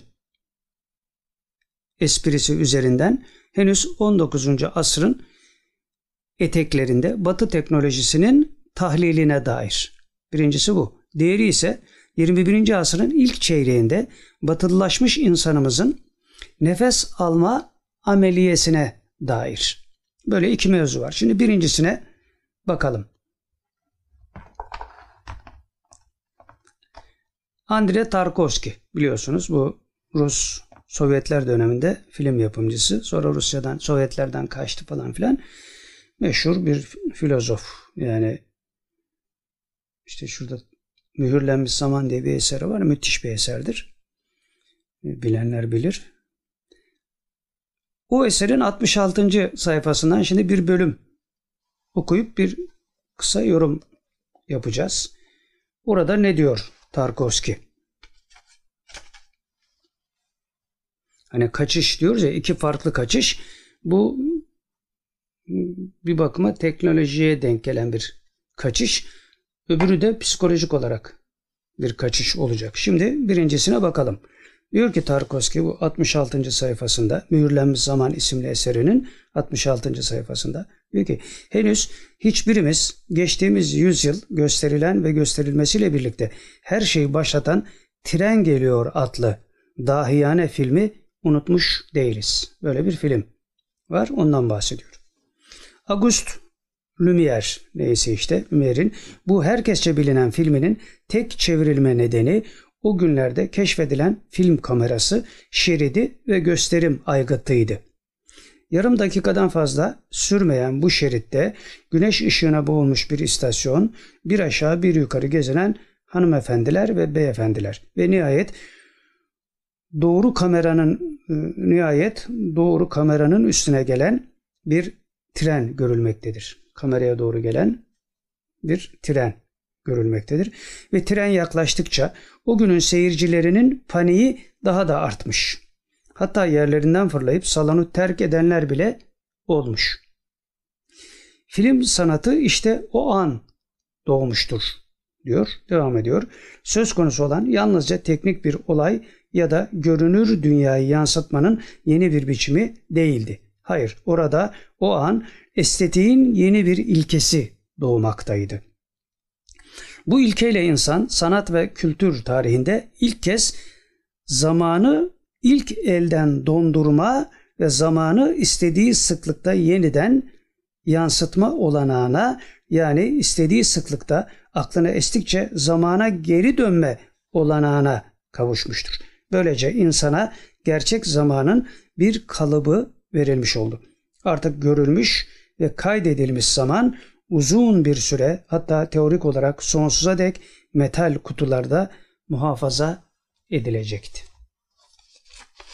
Zaman metal kutulara sıkıştırılmış oluyor ve aynı zamanda da o günün teknolojisine ayak uyduramayan batılı seyirci perdede trenin geldiğini görünce korkudan kaçıyor. Teknoloji bu halde. Şimdi devam edelim. İki şeyin altını çizelim burada. Bir, daha dün diyeceğimiz bir zamanda daha dün diyeceğimiz bir zamanda teknolojinin perdeye yansıttığı trenden korkup kaçan batı insanı ve o dönemde henüz emekleme çağında olan film endüstrisini oluşturan teknolojiyi es geçmiş olmamız. Yani Müslümanlar olarak böyle bir hal yaşanırken biz hadiseye mukayyet olmamız gerekiyordu aslında. Bunu yapamadık. Birincisi bu. Tarihi muhasebesi yapılması gereken bir mevzudur bu. Hele de kaydedilmiş metal kutularda muhafaza altına alınmış zaman mefhumu. Bu tasavvufu ilgilendiren bir şey. Zaten Tarkovski'nin kitaplarını okuyanlar da aslında tasavvufun cümle kapısında bir şeyleri idrak etmeye çalıştığını da anlar.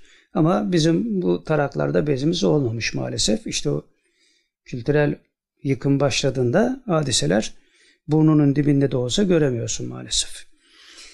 Devam ediyoruz. Ölüm ve zaman aslında en iyi bildiğimiz iki mesele. yani Allah Resulü'nün batına nispet kurulduğunda ölüm ve zaman hakikati idrak edilebilir. Biz bu işin piri sayılırız Müslümanlar olarak. Lakin atalet her şeyimize mani oldu. Yani tembellik her şeyimize mani oldu. Bu da tabi uzun mesele.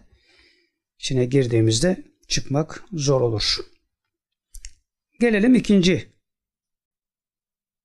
ikincisine. Hani iki farklı kaçış dedik ya. Birinci kaçış trenden kaçan insanlar üzerinden böyle bir yorumdu. İkincisi bizden bir kadının bizden bir kadının yani Nazan Öncel şarkıcı duymuşsunuzdur. Bizden bir kadının adeta İslam iktisadına giriş esprisiyle karşılayacağımız ifadeleri ki 21. asrın ilk çeyreğinde mevzu bahis normlara dönmek insanlığın büyük bir kısmı için zaruri olacak. Yani Nazan Öncel'in söylediklerine 21. asırda dönülecek yani. Şöyle yazmış. Facebook hesabında yazmış bunu. Diyor ki 2011'de annemi kaybettikten sonra her şey boş gelmeye başlayınca silkelendim. Dedim ki bu kadar fazlalıklarla yaşanmaz. İnsan gidiyor, geriye çöp kalıyor. Annemin ardından siyah elbisesini tam dört sene yıkadım. Ütüledim, giydim. Sonrasında baktım ki oluyor. İnsan az da yetinebiliyor. Başladım azaltmaya. Evet, tek bir obje bile almadım o zaman diliminde diyor. Ve yedi senedir de kendime hiçbir şey almadım. Aksine diş fırçam hariç kişisel eşyamı 110 parçaya indirdim. Hedefim 100 parça. Evden ise iki eve daha yetecek kadar eşya gitti. İki ev daha yapılabilir, kurulabilir. O kadar eşya gitti. Annem öldükten sonra diyor bunları idrak etmeye başladım. Hafifledikçe rahatladım. Hiç tanımadığım insanların fotoğrafları var albümlerde. Annemin ve kayınvalidemin arkadaşlarının arkadaşı, tanıdıkları yakınları, hatıralarına ve bir anlamda emanete hürmeten bir tek onlara kıyamıyorum diyor. Öbürlerin hepsini atmış. Konserden konsere bir fistan dikip giyiyorum. İş bitiyor diyor. Kelimeyi de fistan olarak kullanmış. Sanki hani bir köylülerin giydiği fistan gibi geliyor insana. Konserden konsere bir fistan giyip giyiyorum. İş bitiyor. Sırada evi 2 artı 1'e indirmek var. 2 artı 1. Şimdi bu 2 artı 1 deyince aklıma şu geldi.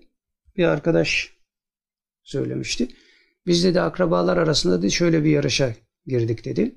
200 metrekare evde kim oturacak? Onu diyor başardık. Şimdi diyor onu başardığımız için 250 metrekare ev hedef olarak önümüze konuldu. Şimdi onunla uğraşıyoruz diyor. Yani insan nefsi böyle bir şey. 200 de yetmez, 250 de yetmez. Sonra saraylar istersin, kervan saraylar arasın falan filan. Burada da ben diyor şimdi evi 2 artı 1'e indirmek var. Demek ki daha büyük bir ev varmış. Bu arada nohut oda bakla sofa neyimize yetmiyor ki diyor. Ya bu nohut oda bakla sofa da bir şeyi hatırlattı bana. Bu Barış Manço'nun bir şarkısı. Bu arada söylemiş olayım. Barış Manço ile alakalı bir takım şeyler olmuştu biliyorsunuz. Onunla alakalı bir şeyler söylemiştik. Onun kitabını da yazdık. Bunu da söylemiş olalım. Ama basılmasına henüz müsaade etmediler. Bu sene bittikten sonra. Öyle tahmin ediyoruz. Ama kitap bitti yani. Bu Nohuto'da Bakla Sofa hmm, şeyinden de Barış Manço'yu hatırlamış olduk. Evet. Zaten devam ediyor Öncel. Zaten bir lokma bir hırka diyenlerden olduğumu bilirsiniz. Bu da bize şunu hatırlattı. Şimdi Nazan Öncel ben böyleyim diye. Bir lokma hırka işte. Ee, bir hırka bir lokma diyene de bunu Müslümanları tenkit etmek için eskiden söylerlerdi. Bunlar bir hırka bir lokmacılar falan filan. Sonra Müslümanlar paraya ulaştı. Bu sefer de Müslüman zengin olur mu demeye başladılar. Münafın hali de böyle bir şey yani. Evet benim böyle bir lokma bir hırka diyenlerden olduğumu bilirsiniz diyor. Bir arabayı 15 sene kullanır. O beni bırakmadan ben onu bırakmam. Emektar olması hatırına şansımı zorlarım.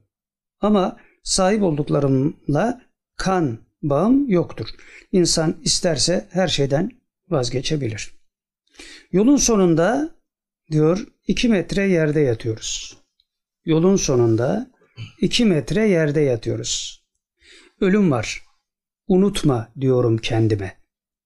Belki biraz geç uyananlardanım ama hanidir kendi içime yaptığım bir yolculuk bu.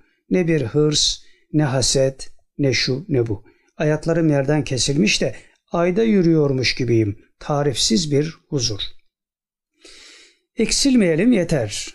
Bu konu üzerinde sayfalarca yazabilirim ama kafa şişirmek istemem. Söyleyebileceğim tek şey ruhumuzun istediği şeyin peşinden gidin demek olur. Nice güzellikler dilerim hepinize. Hayat bir karış. Burada bitiriyor. Şimdi biz bir tebessümle şöyle bir cümle kurup bitirdik burayı. Vaize Nazan Öncel. Bundan daha iyi vaaz olmaz. Tabi bu yaptıklarıyla istikametinin ne olduğunu da biz bilemeyiz. Allah istikamet nasip etsin. Deyip burayı da bitirmiş olalım. Evet. Yine evvelki bölümümüzden devam edelim. Dördüncü başlığımız bilim mi, film mi? Burada da 1 dakika 32 saniyelik bir video seyrettireceğiz. Bilim ve film gerçeğinin altını çiziyor bu şey, bu video. Fay hattına uygun harita yokmuş. Bu depremle alakalı. Bu bilim film meselesi depremle alakalı. Fay hattına uygun harita yokmuş. Haritaya uygun fay hattı palavrası varmış. Bunu da yeni öğreniyoruz. Cinnet panayırında twist'e gelmişiz de haberimiz yok. Veya çifte telli oynarken ibadet ettiğimiz vehmini mi yaşıyoruz bilmiyoruz. Bir gariplik var yani. Şimdi seyredelim. Bakalım ne diyor. Bundan sonra kısa yorumumuzu devam ettireceğiz.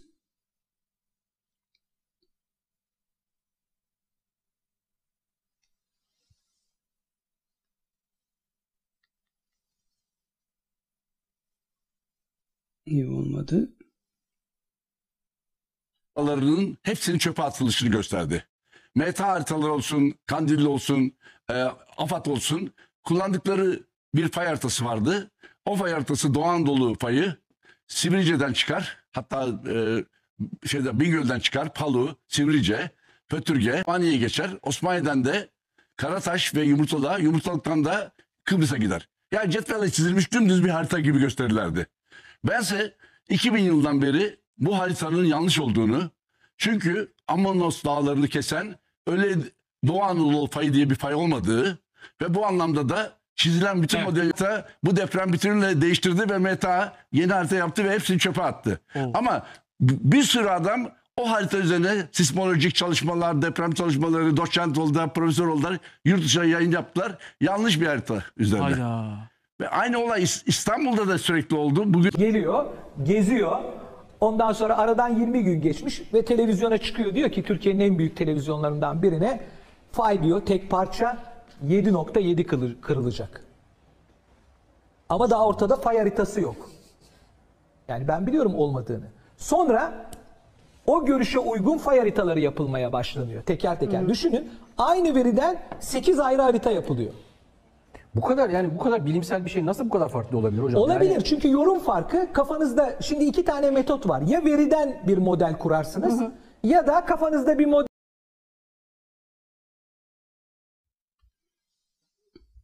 Evet. Bu biraz başı kesildi onu şey yaparsın. Evet orada e, program yapımcısı hayda diyor ya şaşırıyor. Evet. Evet biz de hayda diyelim yani ne oluyoruz? Mesele şu. Kafanızda bir modelle 20 milyonluk İstanbul halkına işkence ediyorsunuz. E, hayda denir yani buna kafanızdan bir modelle 20 milyonluk İstanbul halkına işkence. Bu yetkiyi bilime kim verdi? Önce bunun bir anlaşılması lazım. Unutmadan şunu da söyleyelim. Sanal aleme düşen bir videoda Amerika Birleşik Devletleri eski başkanı Barack Obama Ay'a gidemedik, dünyanın dışına çıkamıyoruz dedi. Evet, Barack Obama bunu söyledi. Bilime ve filme dayalı olması dileğiyle. Konuşma linkini aşağıya bırakacağız. Obama'nın bu konuşmasını. Ay'a gidemedik diyor yani. E, bu kadar palavra ne olacak? Ta bilmem kaç yıllarında Üstad Hazretleri'nin söylediği şey vardı. İngilizler bu işlerin %25'inin palavra olduğunu ispat etmişler. Demek ki geri kalan %25, 75 de palavraymış. Böyle bir garabetle karşı karşıyayız. Yani kim dalga geçiyor bu insanlıkla ya? Niçin dalga geçiyorlar? İşte Teccal yavaş yavaş kendini hissettirmeye başlayınca rahmet kapıları da yavaş yavaş açılacak inşallah. Bu rahmet kapılarının açılmasına dair bir bölüme geldik şimdi. Beşinci bölüm, beşinci madde. Diktor'un başlığını okuyorum. Diktor'un 313 Ya Fettah'la devletlerin devletini kuralım. Evhama ve kuruntuya gerek yok. Vaat edilenler o kadar yakınımızda ki göremeyenler sadece idrak problemi yaşayanlardır. Vaat edilenler o kadar yakın. Fakat evham sahipleri bunu göremiyorlar. İdrakleri zaafa uğradığı için. Evhama düşmeyenlere veya düşmek istemeyenlere Ehlullah'ın müjdesini vermiş olalım. Daha doğrusu bu emir telakki edilmesi lazım. Buyuruyorlar ki İslam'ın zaferi için her gün 313 Ya Fettah çekilsin. Bunu çoluk çocuğunuza da çektirin. 313 bitince isteyen ikinci 313'ü yapabilir veya üçüncü 313 gücüne yeterse bir seferle de iktifa edebilir ama devam da edebilir yani o kendi şeyine bağlı. Samimiyetinize bunu böyle bildiriyor şey. Samimiyetinize inandığınız kişilere bunu deyin. Yani samimiyetine inandığınız kişilere bunu söyleyebilirsiniz deniliyor. Samimiyetinize inandığımız için biz de demiş olduk. Zafere dört nala koşma duygusunu deruni şekilde yaşamak isteyenlere tavsiye olunur ve selam. Her şey idraka tabi. Başından beri zaten hadiseleri anlatırken idrak mevzu üzerinde duruyoruz. O da ihlas temelli olursa bir şey ifade eder. Burada da böyle bir şey var. Eğer devletlerin devleti kurulsun istiyorsanız tembellikten, ataletten kurtularak bunu her gün birkaç dakika süren bir şey yani. Bunu da yapamazsak artık veil olsun bize. Bunu yapalım artık yani. 313 defa ya fettah yani çekiyorsun. Bir, bir dakika iki dakika yani en fazla diyelim. Hadi olsun 5 dakika ne olur yani. Hani bir hararetimiz, bir isteğimiz, bir arzumuz var ya bir şey olsun diyoruz. E olsun işte bak. İşin ehli söylediğinde itibar ona göre olması lazım. Çünkü söz hal ve makama göre değerlendirilir. Biz söylesek tamam bizimki çok bir şey ifade etmez. Cirti bir tane diyelim. Ama bunlar öyle değil. Büyükler başka bir şey hazırlıyorlar bizi. O hazırlıklarla alakalı tabii çok ilginç şeyler oluyor da onların bazılarını diyorum e, bir takım meseleler yaşandığı için şey yapıyoruz. İstikbale havale ediyoruz veya bilemiyoruz artık söylemeye müsaade edilir mi edilmez mi ama her halükarda kazanacağımızın delilleri çok net yani. Bundan şüphe etmemek lazım çünkü vakit kazanmaya müsait bir hale geldi. Zemin de kazanmaya müsait bir hale geldi. Evet geçelim 6. maddeye. Aklı başında bir ekonomist diyor ki 16 Nisan 2023 tarihli Selim Atalay ya ait bir tweet. Selim Atalay gazeteci biliyorsunuz. O naklediyor şimdi. Diyor ki Jaskus mu ne okunur artık bilmiyorum hani Kadir Mısıloğlu diyor ya bu İngilizce'de acayip bir şey. Başta olunca C, K okunuyor ortada olunca başka bir şey okunuyor falan filan abuk subuk şeyler. Burada da öyle. Göz Attali. Biz Attali diyelim. En geç diyor ki bu Attali en geç Ağustos'ta dünya ekonomik krize geçecek. Gelecek. Dünya ekonomik krizi gelecek. Bu sene yani 2023 Ağustos ayında. Şimdi Nisan'dayız. Mayıs, Haziran, Temmuz, Ağustos. 4 ay sonra. Tedbir alırsak önleyebiliriz diyor. Ve devam ediyor.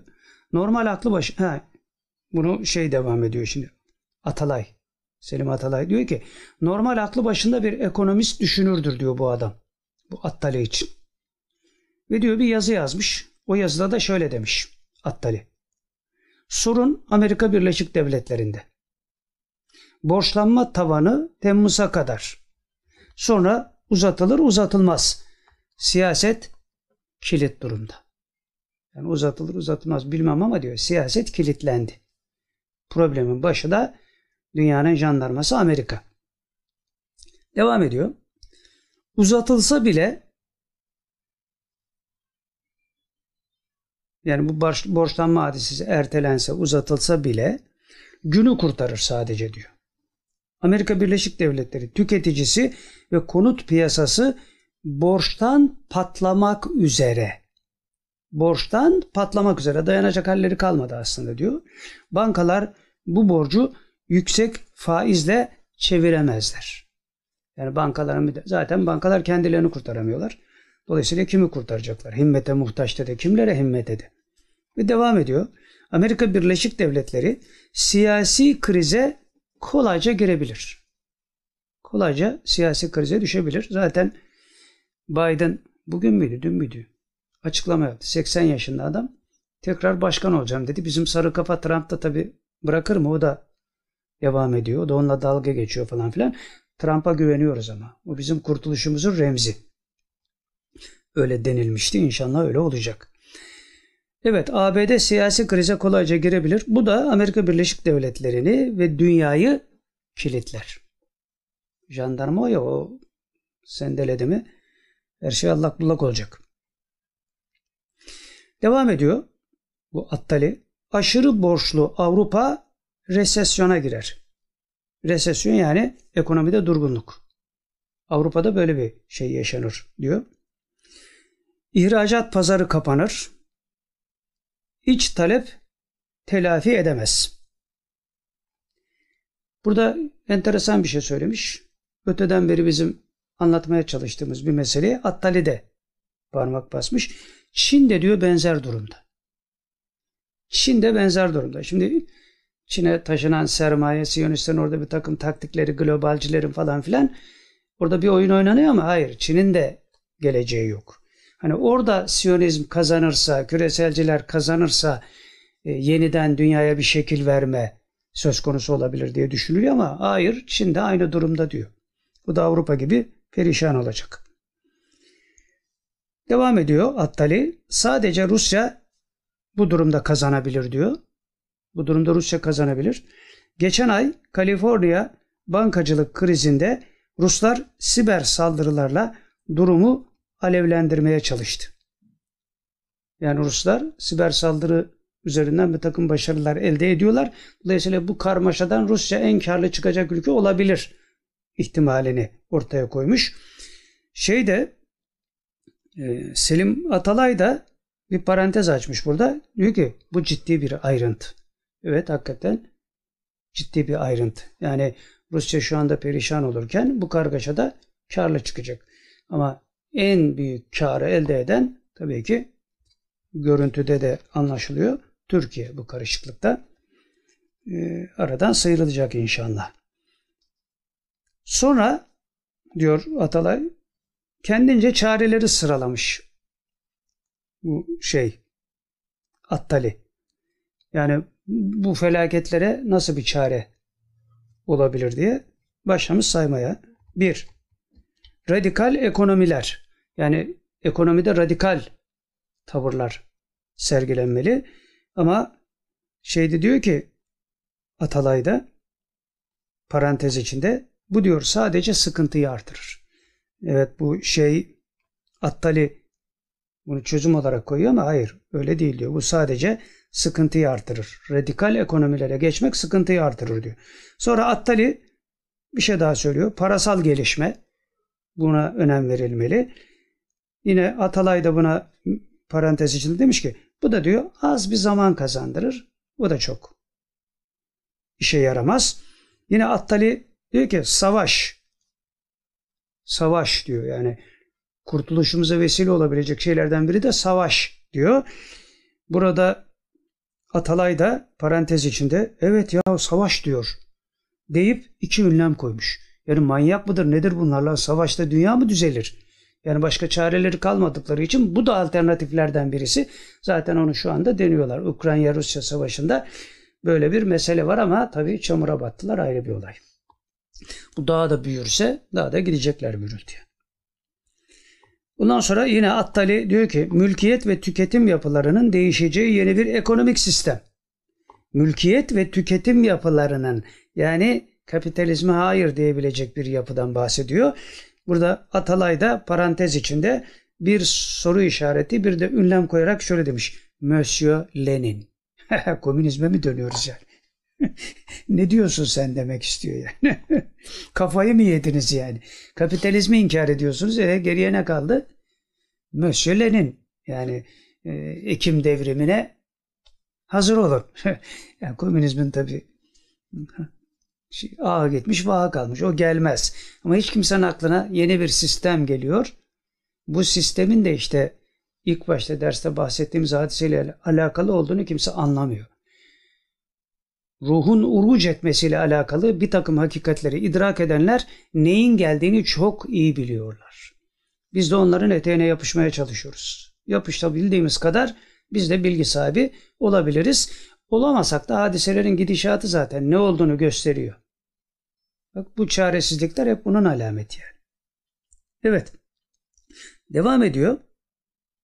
Şimdi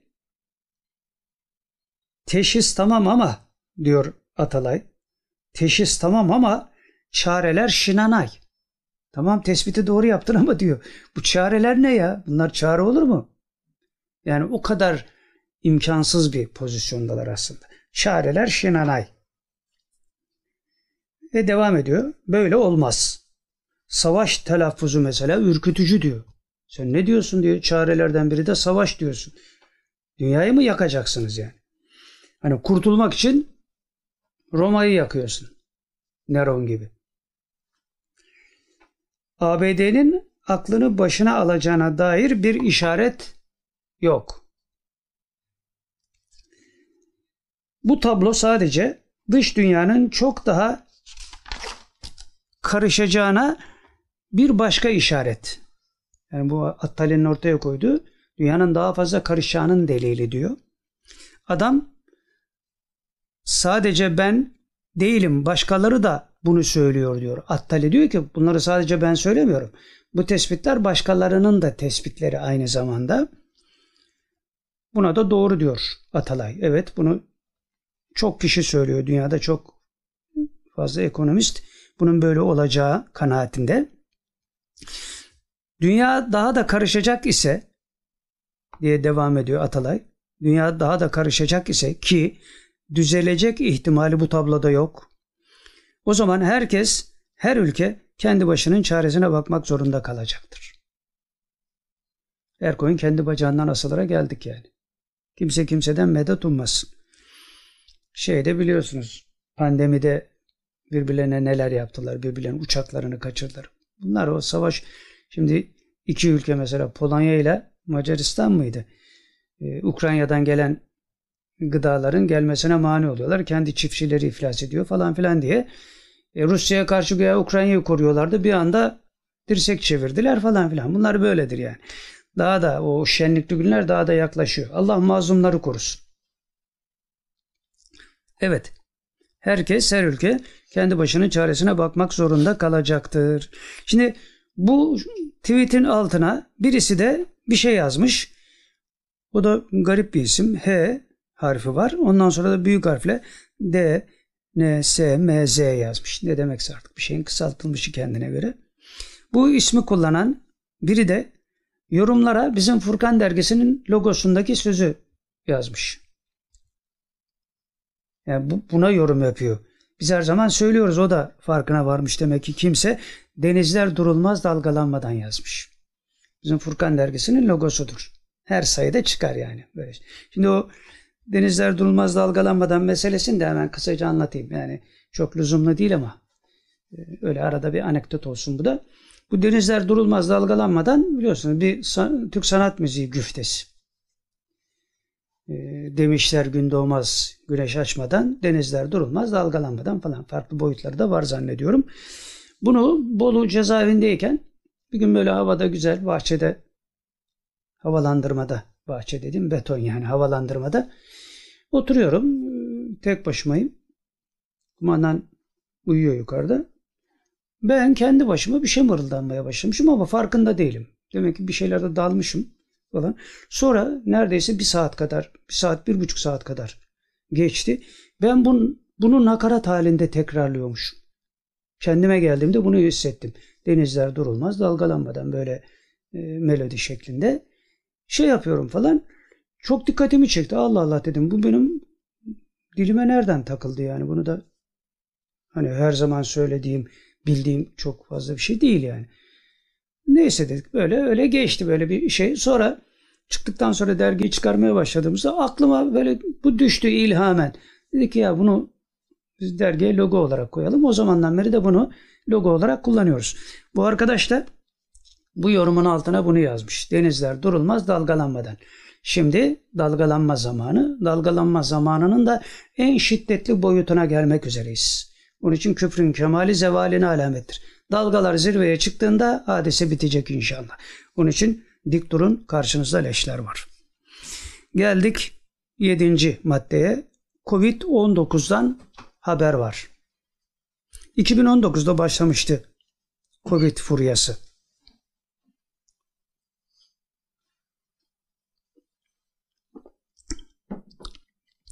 Dünyayı iki sene kilitleyen bu maceranın başında feraset ehli meselenin aslını bildirmişti ve demişti ki laboratuvar mahsulüdür ve de ellerinden kaçırdılar.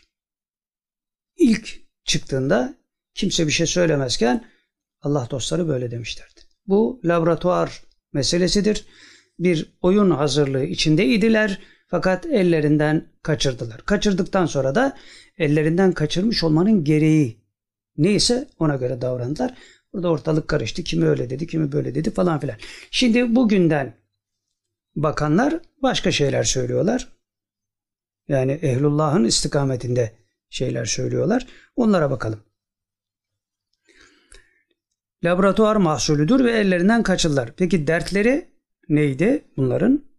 İnsanlığı dizayn etmek için oynanan oyunlardan biriydi. İnsanlığı dizayn etmek için. Şimdi diyoruz ya küresel tavır orada gerçekleştirilmeye çalışılıyor. Amerika orada aslında. Amerika ile Çin kavgası falan filan onlar hikayeden nameler. İstedikleri oldu mu peki? Tam değil ama hata yapmalarına rağmen manevra yapmayı da başardılar. Yani ellerinden kaçırdılar ama buna rağmen manevrayı da yaptılar yani. Bütün dünyayı kilitlediler. Tabii gelecek neler gösterir o bilinmez. Mevzu ile ilgili bir habere bakalım şimdi. 19.4.2023 tarihli haber. Yine ikili oynamaya müsait şekilde servis, edil, e, servis edilmiş tabii ki. Yani hem nalana hem mıhına vuruyorlar hala. Yani haberi veriyorlar. Karşısında da bir haber veriyorlar. İkisi arasında siz işte dengeyi sağlayamayacaksınız zaten. O öyle diyor, bu böyle diyor. Nasıl çıkacak insanlar işin içinden falan. Hep yaptıkları taktik. Devam ediyoruz. Çin'in Wuhan kentindeki laboratuvarda başlayan felaket elbette sadece Çin'i ilgilendirmiyor. Mesele dünyanın kaderini biz tayin ederiz diyen bir çete ile ilgili. İçinde Amerika olmazsa olmaz tabii ki. Haber Amerika Birleşik Devletleri kaynaklı ve iki Amerikalı aktör piyasada. Biri nalına, diğeri mıhına vurmuş. Haber şöyle. Amerika Birleşik Devletleri'nin eski Ulusal İstihbarat Direktörü COVID-19'un laboratuvar sızıntısı olduğunu söyledi. Eski Amerika Birleşik Devletleri Başkanı Donald Trump döneminde görev yapan eski Ulusal İstihbarat Direktörü John Ratilif mi neyse, işte. Ratil, Ratilif. İstikbari bilgilerin bir laboratuvar sızıntısı olduğunu ortaya koyduğunu öne sürdü. İlk başta söylenen şey. Bize söylenen şey yani. Bunlar da şimdi itiraf etmeye başladılar. Daha önce de iki tıp Nobel ödülü kazanmış doktor da söylemişti. Onları sohbetlerde söylemiştik. Şimdi bunlar da istihbarat örgütlerinin elemanları bunlar ve üst düzey elemanlar. Bunlar da öyle diyorlar. Sızıntı olduğunu ortaya koyduğunu ileri sürdü. Covid-19'un insan üretimi olup olmadığına dair tartışmalar devam ediyor. John Temsilciler Meclisi'nde Covid-19 salgını ile ilgili bir komite tarafından Covid-19'un kökenine ait düzenlenen oturumda milletvekillerinin sorularını yanıtladı. John, Covid-19'un kökenine ilişkin salgının ilk yılında hükümetimizin istihbaratına herkes kadar erişimi olan bir kişi olarak bilinçli değerlendirmem, istihbaratımız tarafından bilim ve sağduyu tarafından güvenilir bir şekilde desteklenen tek açıklamanın bir laboratuvar sızıntısı olduğu ve olmaya devam ettiğidir değerlendirmesine bulundu. Tabi burada tercümeyi alt üst etmişler. Ee, anlatayım derken yüzüne gözüne bulaştırmış kim yaptıysa falan. Burada diyor ki ben istihbaratın üst düzey bir elemanı olarak diyor söylediklerimi diyor muhataplarımın hepsi kabul etti. Yani bilim ve sağduyu sahibi insanlar bunları kabul ettiler diyor. Bu bir laboratuvar sızıntısıdır. Yani böyle ifade edebilirdim. Bu kadar karıştırmış katmış birbirine her şey. Covid devam ediyor. Covid-19'un bir laboratuvar sızıntısı olduğuna yönelik istihbari bilgi ve kanıtların bulunduğunu anlatan John bu konudaki kanıtların Wuhan laboratuvarlarındaki koronavirüs araştırmasının küresel bir salgının ortaya çıkmasından sorumlu tutulmasına gidecek kadar güçlü olduğunu öne sürdü. Yani deliller o kadar kuvvetli ki böyle uluslararası bir mahkeme mevzu olabilir demek istiyor.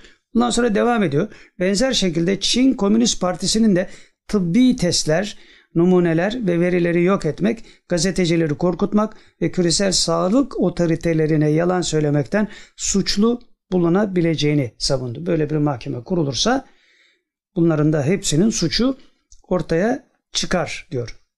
Diğer yandan şimdi hem nalına hem mıhına diyoruz ya. Bak şimdi bu adam böyle söylüyor. Ben diyor istihbaratçıyım. Ben üst düzey istihbaratçıyım. Her şey gözümün önünde oldu. Benim söylediklerimi de bilim adamları kabul etti. Bilimsel bir mevzudan bahsediyoruz. Hani ikide bir çıkıp diyor bilimsel değil. Bak bu bilimsel. Şimdi ikinci safhaya gelelim. Nasıl oyun oynuyorlar onu anlayacağız şimdi. Diğer yandan eski Dışişleri Bakanlığı İstihbarat ve Araştırmadan sorumlu müsteşar yardımcısı Mark Loventhal. Bu da istihbaratçı. Bak şimdi birinci istihbaratçı bilimsel diyor. Bakalım ikincisi ne diyecek. Bu da Covid-19'un doğal olarak mı yoksa bir laboratuvardan mı sızdığına dair bir karar vermenin bilimsel olarak zor olduğunu işaret ediyor. Lan manyak mısınız siz ya? ne diyorsunuz hemşerim? İkiniz de aynı yerdesiniz. Amerikan istihbaratında. Biri şu makamda, biri bu makamda. Üst düzey makamlardasınız. Biri bilimsel diyor, biri bilimsel olarak bunu ispat etmek mümkün değil diyor. Al birini vur ötekine. Bunların bütün hayatları böyle palavra. Halkı kandırmak olsun da ne olursa olsun önemli değil. Şimdi biz parantez içinde bir şey söylemişiz. İnsanlığı böyle kekliyorlar. Biri ben bu işi iyi bilen biri olarak bilimsel olduğunu kesin olarak ispatlamış bir şey söylüyorum diyor. Diğeri bilimsel olarak ispatlanması zor diyor. Yani iyi polis kötü polis mevzu. Ondan sonra devam ediyor bu Levantal. Çin'in bu konuda işbirliği yapmaması halinde bu sorunun neredeyse hiçbir zaman çözülemeyeceği görüşünü paylaştı. Çin niye paylaşsın ki? Neden işbirliği yapsın yani? Çin manyak mı? Dalga geçiyorlar insanlıkla ya. Yani diyorum ya bu haber analizi aslında diye bir yani haber analizi yapan bir haber sitesi olması lazım. Şimdi bir ara şeyi görmüştüm mesela çok hoşuma gitti. O zaman yeniydi. Kimdi bilmiyorum ama herhalde onlar da şimdi düzene uymuşlardır. Bu sitelerde haber veriliyor ya şimdi. Ben şimdi onu tabii fark ettikten sonra şey yapıyorum. Bir haber mesela ilgimi çeken bir haber. Haberin asla başına bakmıyorum. En sonuna bakıyorum çünkü haber sonunda. Oraya kadar ne var? Hep aynı şeyin tekrar. Niye? Meğer vakit orada ne kadar vakit geçirirsen o kadar prim mi yapıyor? Neyse işte. Bu üçkağıtçılığından dolayı 10 sayfayı okutturuyorsun adam.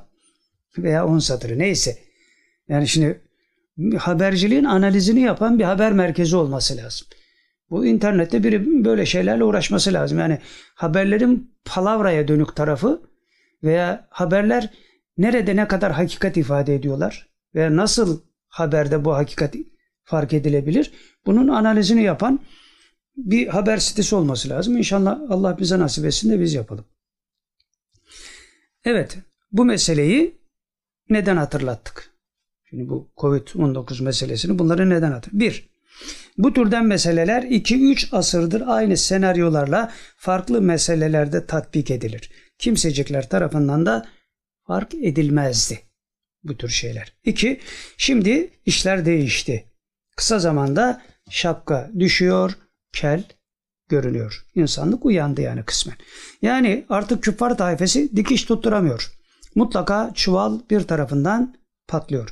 Dikseler bile ikinci patlağa yetişmek için bir hayli çaba sarf etmek zorunda kalıyorlar. Batan bankalar, patlayan nükleer atıklar, seller, kasırgalar, depremler, savaşlar. Hülasa ümüğü sıkılan emperyalizmin ve hempalarının miadı dolmuştur, çöplüğe atılmak üzeredir. Şimdi bu arada mesela bu nükleer atık patlamalarıyla alakalı Amerika'da 7-8 olay oldu zannediyorum. Bunları da tabi basından uzak tuttular. Sarı kafa Trump bir tanesinin başına gitti o patlama olduğu yerde. Orada basın toplantısı yaptı. Haber yayılsın diye. Yani Trump haberlerin gizlendiğini biliyor. Dolayısıyla haber duyulsun diye gidip o atığın başında şey yapıyor adam. Basın toplantısı yapıyor. Peki bize düşen yani bu olaylar karşısında biz ne yapmamız lazım? Bize düşen soru bu. Dik durun karşınızda leşler var. Dövizini yükseğe daha yükseğe kaldırmaktır. La galibe illallahı canı gönülden, ciğerden söyleyebildiğimiz gün zafer mutlaktır. Geciktirmeyelim. Onun için de baştaki meselemize dönüyoruz. İhlas ve samimiyet bunun temini içinde imanın takviyesi. Onun için de ne gerekiyorsa ne gerekiyorsa yani yapılan tavsiyeleri söylüyoruz işte. Amentü'yü çok sık okuyun. Hem evhamınızdan kurtulursunuz. Evhamdan kurtulunca da iman konusunda kabileşmiş olursunuz. Dolayısıyla dik durun karşınızda leşler var demenin ne manaya geldiğini idrak etmiş oluruz. La galibe illallah. Galip olan Allah'tır hikmetini de idrak etmiş oluruz. Evet geldik şimdi kaçtı bu? Ama şey yapmamışız. Evet. Sekizinci madde ve sonuncu madde. Artık klasiğimiz oldu bu. Pensilvanya şeytanının sümüklü müritlerine dair 8. 7 bölüm vermiştik. Şimdi 8. bölüm. Birincisi yani burada bir bilgi de var tabii şimdi şahıslara gelmeden önce bir bilgi var. İmamoğlu yok pardon bir şey işte birisi kim diyor tamam. Filancıyla filancıyla Ümre'de görüşen kişiler bir belediye başkanı o. Amerika Birleşik Devletleri'nde yaşayan FETÖ'şi taifesinden kişilerdi. Bunlar diyor. Kimdi bu? Mustafa Yeşil. Bizden bir belediye başkanıyla Ümre'de görüşüyorlar. Bu adam Ohio'da oturuyor. 10 defa adres değiştirmiş. Bu Mustafa Yeşil. Ve diğeri de Ali Çelik. Bu da o belediye başkanıyla görüşmüş. Bu da New Jersey'de yaşıyor. 11 defa adres değiştirmiş bu da. Bu kişiler Fettoş'un sözde halifelerinden Mustafa Özcan'a yakın ekipteler bunlar. Evet. Devam ediyoruz. Türkiye'de deprem olan saatlerde yani 6 Şubat mıydı? 6 Şubat'ta o saatlerde Amerika Birleşik Devletleri ve Kanada arasındaki sınırda bulunan nehir merkezli 4.4 şiddetinde deprem meydana gelmiş. Şimdi burada bir not düşmüşüz. Maraş'ta fay fayı tetiklediği söylenen ABD aynı saatlerde kendi ayağına da sıkmıştı demek. yani hani diyorlar ya Amerika yaptı falan filan. E aynı saatte orada da olmuş. Demek ki kendini de tetiklemiş. Bu vesileyle hatırlatalım. Habire deprem cambazlarını ortaya yere serip bu Hollandalı bir deprem cambazı var ya ikide bir çıkar İstanbul depremi İstanbul depremi falan cambazlarını orta yere salıp İstanbul depremi üzerinden Ahmet Tellallah yapanlar nihayet dünyanın en tehlikeli fay hattını da hatırladılar bu ara. Sen Andras fay hattı. İlk defa bu hafta haberlerde böyle bir şeyle karşılaştık. Yani nihayet. Dünyanın en tehlikeli fay hattı yani. Şu anda Amerika'da konuşuluyor artık çaresiz mi kaldılar ne olduysa onu da meydana getirdi. Nisan 2023 ortalarında internette gördüğümüz bir haberdi bu. Şaşırdık doğrusu. İstanbul depremi varken Sen Andreas'tan kim bahseder? Propaganda savaşı var. Biz de onları gündeme getirmemiz lazım. Bizden de kimse aldırış ettiği yok yani. Bana ne Amerika'daki depremden diyor. O demiyor ama bana ne Türkiye'deki İstanbul'daki depremden. Bu psikolojik bir savaş yani. Sen de bunun hakkını vereceksin nihayetinde. Evet 1 Şubat'tan beri Güney Amerika'daki Şili'de orman yangınları devam ediyor. Şubat ayı itibariyle. Amerika Birleşik Devletleri Teksas'ta ise yani Amerika Birleşik Devletleri'nin Teksas beldesinde ise dondurucu yağmur yağdı ve her şey dondu. Bunlar Amerika'dan gelen haberler yani. Teksas normalde çöl bölgesidir. Çöl bölgesinde dondurucu bir yağmur. Kaliforniya'daki felaket hakkında Kaliforniya'da kasırga olmuştu. Büyük bir felaket yaşadılar. Ülkeyi mali olarak zarara sokacak yönünde haberler var. Yani ülkenin ekonomisini batıracak bir felaket o. Burada bir not düşmüşüz yine. Bilim adamlarının tespiti. Son 50 senedir yaşanan felaketler 200 kat arttı. Neden acaba? Devam ediyoruz. Amerika Birleşik Devletleri'nde Müslümanlar artıyor. Müslümanların sayısı artıyor. Burada bir Müslümanlar bir misal vermişler. Güzel bir şey söylemiş. Eski adı Jimmy olan, yeni adı Yasir olan bir Müslüman müminlerin ortak WhatsApp grubunda şöyle bir şey söylemiş. Diyor ki yeni Müslüman olan arkadaşlar Icon Word to İslam demeyiniz. Ya ne deyiniz? I rewarded to İslam deyiniz. Yani convert dini inancı değiştirmek olan bu kelimeyi kullanmayınız diyor. Yani convert demeyiniz. Ne deyiniz? Revert deyiniz. Neden? Çünkü convert dini inancı değiştirmek demek. Fakat revert aslına dönmek demek. Dolayısıyla diyor bu kelimeyi kullanınız. Çünkü biz özümüze döndük. Sadece din değiştirmedik. Fıtratımızda var olana döndük diyor. Güzel bir tespit yani. Bu kelimeyi kullanmayın diyor. Buna muvazi olarak da şu. Kaliforniya'da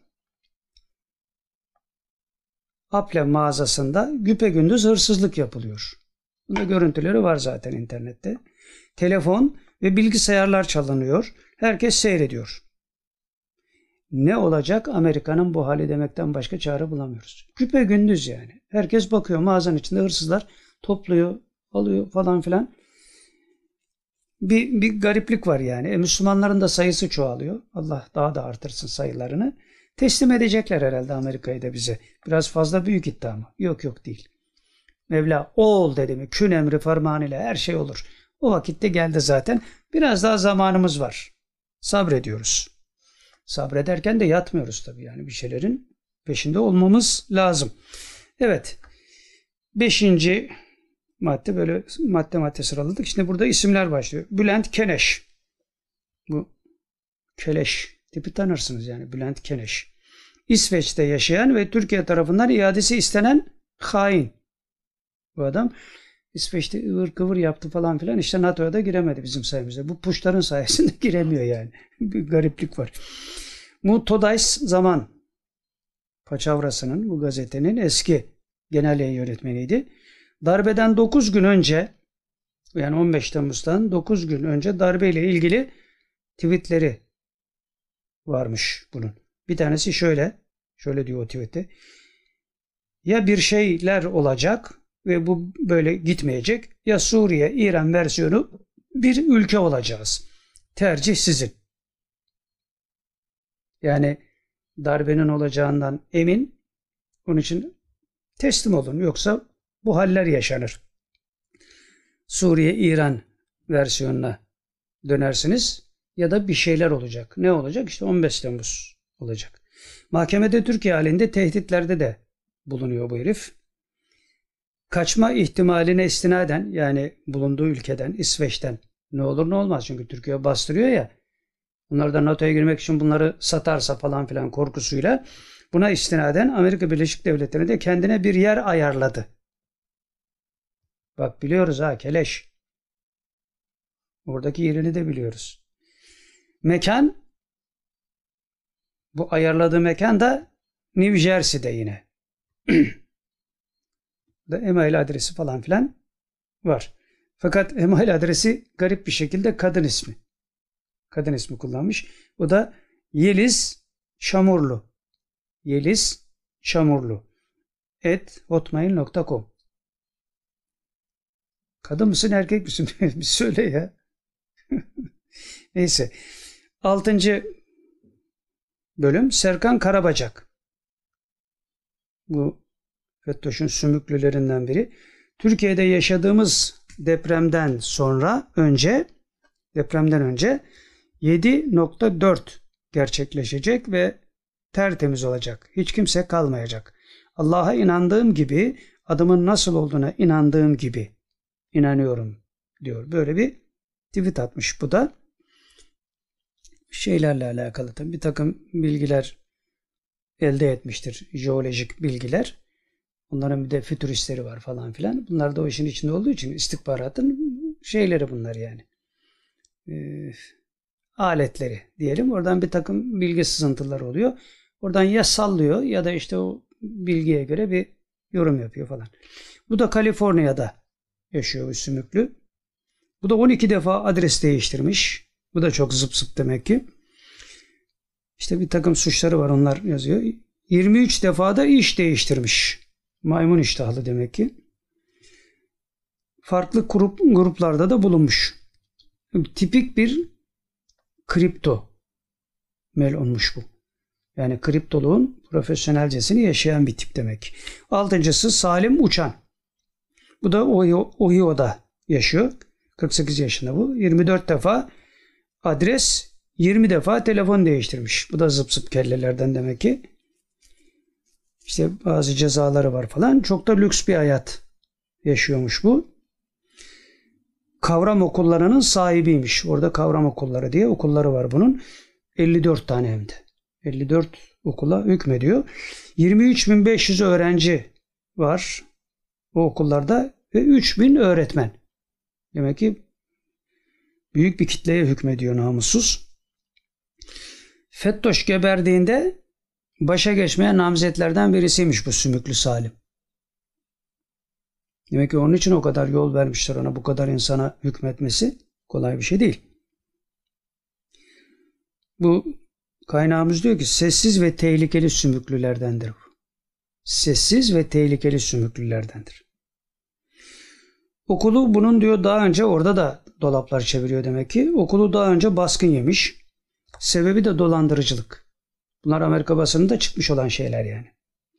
Ve devleti kandırmak. Amerika Birleşik Devletleri'nde vakıf okulları istihdam yapılma vakıf okulları için istihdam ABD vatandaşları olan öğretmenler ABD'nin yerli vatandaşı olan öğretmenlerin işe alınması lazım.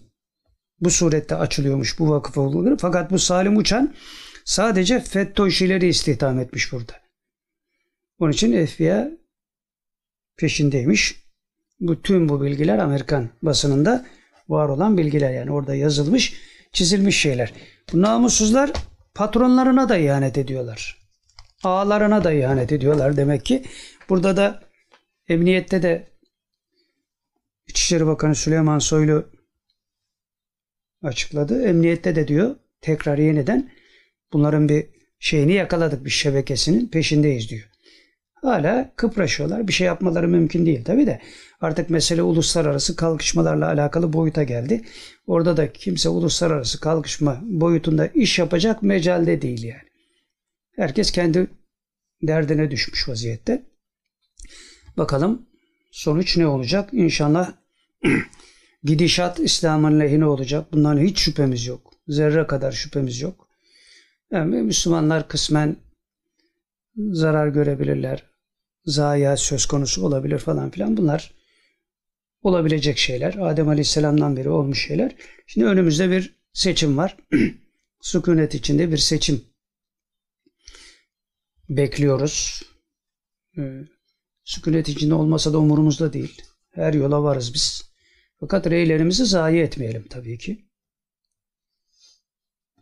Reis dedik. Reisle devam ediyoruz. Hiç kimse aldanmasın. Kimse kendine bahane de uydurmasın. Açıkça söylüyoruz. Biz parti pırtı şeyi değiliz zaten. Partilerle ilişkimiz yok. Ama uluslararası gidişata baktığımızda bazı zaruretler hasıl oluyor. Burada da insanlar kendi ama o ama bu öyle falan filan bırakın onları şimdi. Her zaman söylediğimiz şey biraz istikbari meselelerden anlamak lazım. Biraz sosyolojik tahlil yapabilecek güçlü olmak lazım. Daha da önemlisi bu işlere ölümü göze olarak göze alarak, ölümü göze alarak girdiğimizde bir takım şeylere vukufiyetimiz daha kolay olur. Bunu bilmek lazım. Dolayısıyla Allah bu seçimleri Müslümanların ne olursa olsun sonuç Müslümanların lehine sonuçlandırsın. Yani bizim istediğimiz taraf kaybetmiş olsa bile bizim lehimize olabilir. Onun için sonuç bizi ilgilendirmez. Bizim imanımız bizi ilgilendirir. İhlasımız bizi ilgilendirir. İmanımızı, ihlasımızı artırdığımız müddetçe de bu dünya bizim için cennettir. Çünkü evhamdan kurtulmuş oluyoruz. İnsanların tümü evham sebebiyle felaket yaşıyor. Kafiri de, münafığı da, Müslümanı da. Bu evhamdan kurtulmamız lazım. Onun için yine tekrarlıyorum. Amentü'yü çok okumak lazım. 21 defa diyoruz ama sen 21 bin defa okusan ne zarar olur? Karını da görürsün. Bunları dilden düşürmemek lazım. İnşallah bir dahaki sohbette ve artık seçimlerden sonraki sohbette diyelim. Onların tahlilini mi yaparız yoksa dünya başka bir dünya mı olur bilemiyoruz. Yani bugünden yarına ne olacağı belli değil. Her an her şey olabiliyor. İşte dün mesela Cumhurbaşkanı'nın bir anda şey rahatsızlanması canlı yayında falan filan. Kimileri seviniyor falan filan. Sanki e, İslam Cumhurbaşkanı ile kayma. Hayır o da İslam'ın hizmetçisi. O gider başkası gelir falan. Buralara çok takılmamak lazım. Ama tabii e, çok yaşamasını arzu ediyoruz. İstikamet üzere giden bir şeyler var. Bazı şeylerin hallolması lazım. Menfilikler de var tabii ki. Onlar da zamanla inşallah halledilecek. Evet bir dahaki sohbette ihlas ve samimiyet üzere buluşmak kaydıyla. İhlas ve samimiyet üzere. Yani ben ne söyleyeceğim önemli değil. Siz ne dinleyeceksiniz önemli değil. İhlasla ne söyleyeceğim, ihlasla ne dinlenecek. Bu kayıt üzere bir dahaki sohbette buluşmak üzere inşallah Allah'a emanet olun. İlâ şerefin nebi ve âli ve ashabi ve ihvani ve akavati ve akrabaihi ve ümmehati ve meşayihin el Fatiha.